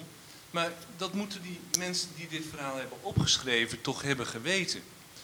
Als die, het volk Israël daar in ballingschap is, is het toch een geweldige truc om dat verhaal te gebruiken en om te draaien, de boodschap om te draaien, zodat het hun verhaal is met daarbij de, de boodschap, wij willen weer terug. En niet samen één onder de, de, de onderdrukking van de toren van Babel. Zou dat ook een interpretatie kunnen zijn? Ja, kijk, eh, dit is. We zitten nu op het niveau te denken van wat mogelijke uitleggingen zijn in mogelijke contexten van gebruik. Dat vind ik altijd zo lastig. Het, het, is denkbaar. Dat was de vraag ook. Is het denkbaar? Ja, het is denkbaar dat ze zich dus met een beroep op dit verhaal juist een pleidooi voelen om terug te keren. Dat kan. Het, het probleem is, we hebben in de tekst verder weinig aanwijzingen erover. Niet, ook niet, geen aanwijzingen van het tegendeel. Uh, en het inventariseren van mogelijkheden is zeer uh, uh, aanlokkelijk en verleidelijk. Maar het kan vervolgens, we kunnen geen stappen verder zetten ter controle. Je hebt geen, je hebt geen bewijs, hoe moet je dit bewijzen? Hè? Het blijft, Je blijft gewoon een beetje speculeren over, over dit soort dingen. Dus, ik vind het al heel knap, hè? dat met, met die paar woordjes, dat je daar al zoveel betekenis... Ja. Hè? Dat is, het, het, het, het, zijn misschien 100, 120 woorden of zo, alles bij elkaar, hè, dat je daar al zoveel uit kunt halen. Maar ja, op een gegeven moment dan kom je bij de limiet van wat je kunt verantwoorden ten aanzien van de interpretatie daarvan. Dus, exact, dus, ja. ja. Kijk, in dit uh, boekje staat ook een bijdrage van Christoph Ulinger. Dat is een, uh, een, een Zwitserse exegeet. Die een heel ander pleidooi heeft gehouden. Namelijk dat het een reactie is op een een toren van Sargon. Dus uit een andere periode en dat het daar een contraverhaal tegen is. Dat het Bijbelse verhaal een contraverhaal is tegen dat verhaal. Ja, is dat, dat is ook mogelijk. Het is in elk geval een hele interessante visie. En in elk geval brengt het je ook in aanraking weer met sargonteksten en torens. Dus eh, we hebben hier het laatste woord niet over en we kunnen dat ook nooit hebben. Maar we proberen eigenlijk met de middelen die we hebben. En de, als er weer iets nieuws gevonden wordt, dan benutten we dat eh, eh, met alle plezier. Maar we moeten iets kunnen onderbouwen. Dat is helder, denk ik. Ja. Ehm, we hebben nog ruimte voor één vraag en ik zou graag een vrouw aan het woord laten. Maak daar wel een fout. Nou, vooruit. Ehm, knippen en plakken. 5a en 7b. 5a zegt God ging naar beneden. 7b zegt God zegt laten we naar beneden gaan. Hoe klopt dat bij elkaar? Ja. Dus het 5a is een vertellersvers. Dus de verteller geeft iets aan. En citeert dan die godheid waar hij eigenlijk dit nog moet gaan doen. Dus eerst krijg je het aangekondigd en vervolgens moet hij het nog doen. Dit, ook dit zien we vaker, dat de verteller als het ware al het, het geheel aankondigt terwijl het nog moet gebeuren. Uh, we hebben zelfs. Nee, ik ga niet naar andere teksten verwijzen. uh, dus ik, ik, kan heel anders zeggen dan, ja dat klopt, dit is precies de verhouding tussen vertellerstekst en directe reden. En daar zit, daar zit vaak het spel van, ook van een auteur in. Wat wordt verteld in welke volgorde? Nou, dat was een hele korte vraag. Ik kan nog één vrouw aan het woord laten. Is er nog iemand? Met een nog, nog, ook nog een korte vraag. Dan mag dat. Ik zie Tom al rennen, dus ik denk dat hij iemand ziet. Daar achterin. Ah, u zit voor mij in het donker. Voor mij ook. Ja. Ja, dankjewel. Um, uit uw verhaal krijg ik de indruk, uit uw beide verhaal, dat, nou ja, uh, in ieder geval in onze tijd zien we dit verhaal niet als historisch. En eigenlijk uit het verhaal van mevrouw van Wonder maak ik op dat het oorspronkelijk ook niet echt bedoeld is als historisch. Want het gaat er niet om of dit waar gebeurd is of niet, ook voor de schrijvers van toen niet. Want die hadden al een historische verklaring voor het ontstaan van die vele talen. Maar het is meer zeg maar, een inhoudelijk uitleg over de noodzaak van de talen. En um, ik heb het idee dat in de christelijke traditie, hier in de middeleeuwen en tot de renaissance, dit verhaal wel vaak als historisch is gelezen. En ik was eigenlijk benieuwd hoe dat in de Joodse traditie zat. Of hoe ja, Joden in latere tijd zeg maar, deze tekst interpreteerden als een historische gebeurtenis. Of juist als een um, ja, soort verklaring meer. Ja, ik, eh, ik, ik heb het niet helemaal goed verstaan. Het geluid was niet zo heel goed. Maar wat ik begrepen heb eh, uit het boekje... Uh, is dat er in, in alle rabbijnse teksten die hierna komen... dat er ongelooflijk veel toevoegingen aan dat verhaal zijn gemaakt. Hè. Daar wordt verteld dat het door de, door de wind de toren is ingestort. En, en uh, ja, ik, ik, kan het ook niet allemaal reproduceren, maar in, de, in, de, Joodse traditie is dat verhaal enorm opgeblazen en zijn er heel veel meer dingen aan toegevoegd. die moeten aanwijzen dat het inderdaad de toren van God is geweest. en uh, dat er wel degelijk een straf is geweest. Maar ja, eh, die, die, dat valt eigenlijk ook niet uit deze tekst te halen. Dat, is, dat is een. Uh, ja, eh, ik stel je dat voor dat al die, die rabbijnse commentaren. Die, die, zitten eigenlijk met hetzelfde probleem als wij. Wat betekent het nou eigenlijk? En die proberen uit elk stofje weer een nieuw verhaal te maken. En het, het, het duidelijker te maken voor iedereen. Maar die verhalen spreken elkaar ook weer allemaal tegen. Dus ik, ik, vind dat, ja, ik, ik vind het moeilijk om daar een, een eenduidig antwoord op te geven. Ik, kan niet, ik leg me daar heel uh, bij neer. Ik denk dat dus wat we daar zien, uh, is juist een bewustzijn van uh, potentiaal aan betekenissen. En het aardige is, men breidt uit, maar laat ook dingen naast elkaar bestaan. Het is niet dat het ene het andere dan afbreekt, nee, men zet het ernaast, zodat al die verschillende interpretaties naast elkaar blijven bestaan. En toch denk ik nog dat nog één element genoemd wil zijn. Dat onderscheid van wat historisch gebeurd is, of wat echt gebeurd is en echt is, is natuurlijk pas vanaf, vanaf de verlichting zo sterk ontstaan. Want men had natuurlijk veel grotere eenheid, filosofisch gezien, tussen de woorden en de dingen. De taal en wat gebeurde. Men maakte niet die scheiding tussen duiding en wat, iets, wat er feitelijk gebeurde. Dat is natuurlijk pas redelijk in de moderne tijd. Ik, ik, ik, citeer even uit het verhaal van Joshua Swartz. Want die gaat heel in het boekje ook. Hè? Want staat, eigenlijk gaat dat precies in op jouw vraag. Dat is het allerlaatste. De torenbouw van de Babel in de Joodse traditie. Wat zegt hij? We zullen echter zien dat de Joodse traditie dit stedenbouwkundig project transformeerde tot een zonde van de ergste soort. Hmm. Ja, we hebben. Ja. Nou, dat is, uh, is geen mooie slot. Dat is geen, geen mooie slot. Maar dat, maar dat geeft niet. Want wat wel mooi is, is dat jullie volgens mij bij deze laatste vraag van die mevrouw achterin. het met elkaar eens vragen. dat is toch wel weer aardig. En bovendien gaat Fransje dadelijk nog voorlezen. En dan uh, worden de zinnen weer mooier. Ellen van Wolle, Salomon Kronenberg, heel erg bedankt dat jullie uh, hier waren. Dat jullie jullie wijsheid met ons wilden delen. Um, jullie ook allemaal uh, heel fijn dat jullie er waren. En volgens mij waren jullie een van de meest betrokken publieken die ik de afgelopen uh, tijd heb meegemaakt. Dus dat is heel fijn. Um, gaat u dadelijk nog niet naar huis? Er zijn nog wat boeken. Er is een, een, drankje in de, in, de, in, de, in de bar van Lux, als u daar nog zin in heeft. Misschien zijn de sprekers er ook nog eventjes uh, te vinden als u nog, nog vragen heeft. Um, alvast wel thuis, maar eerst gaat nog even de spotlight op Fransje voor het laatste fragment. Zware, dikke druppels kletterden. Nog eens viel het vuur, als met rechte strepen uit den hemel, en ver ratelde de goddelijke donder. De hemel scheurde op, de blanke zondvloed stortte neer. Staak den bouw, waarschuwden de priesters. In de stuivende witte woede van de razende regenval bleven de bouwmeesters torenen. En Cyrus zag hun gebaar, edel als van koningen. Maar terwijl hij de wanhoop torste, lachte hij bitter. Want hij wist dat de bouwmeesters niet edel waren en dat zij zichzelf zochten. De bouw hunner eigen grootheid. En het water viel zo blank dat het verblindde. Het viel zo dicht dat het verdronk.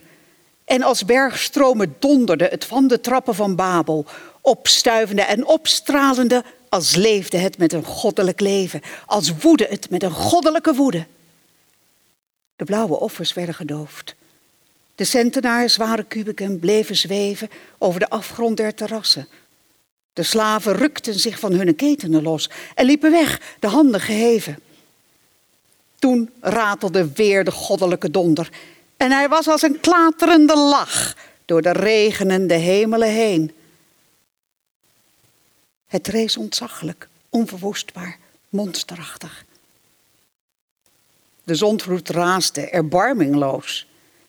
Cyrus, de pleinen verlatende, vluchtte in het paleis van Idonia, wier zuilengangen rezen, bevende in de blanke val der striemende stralen.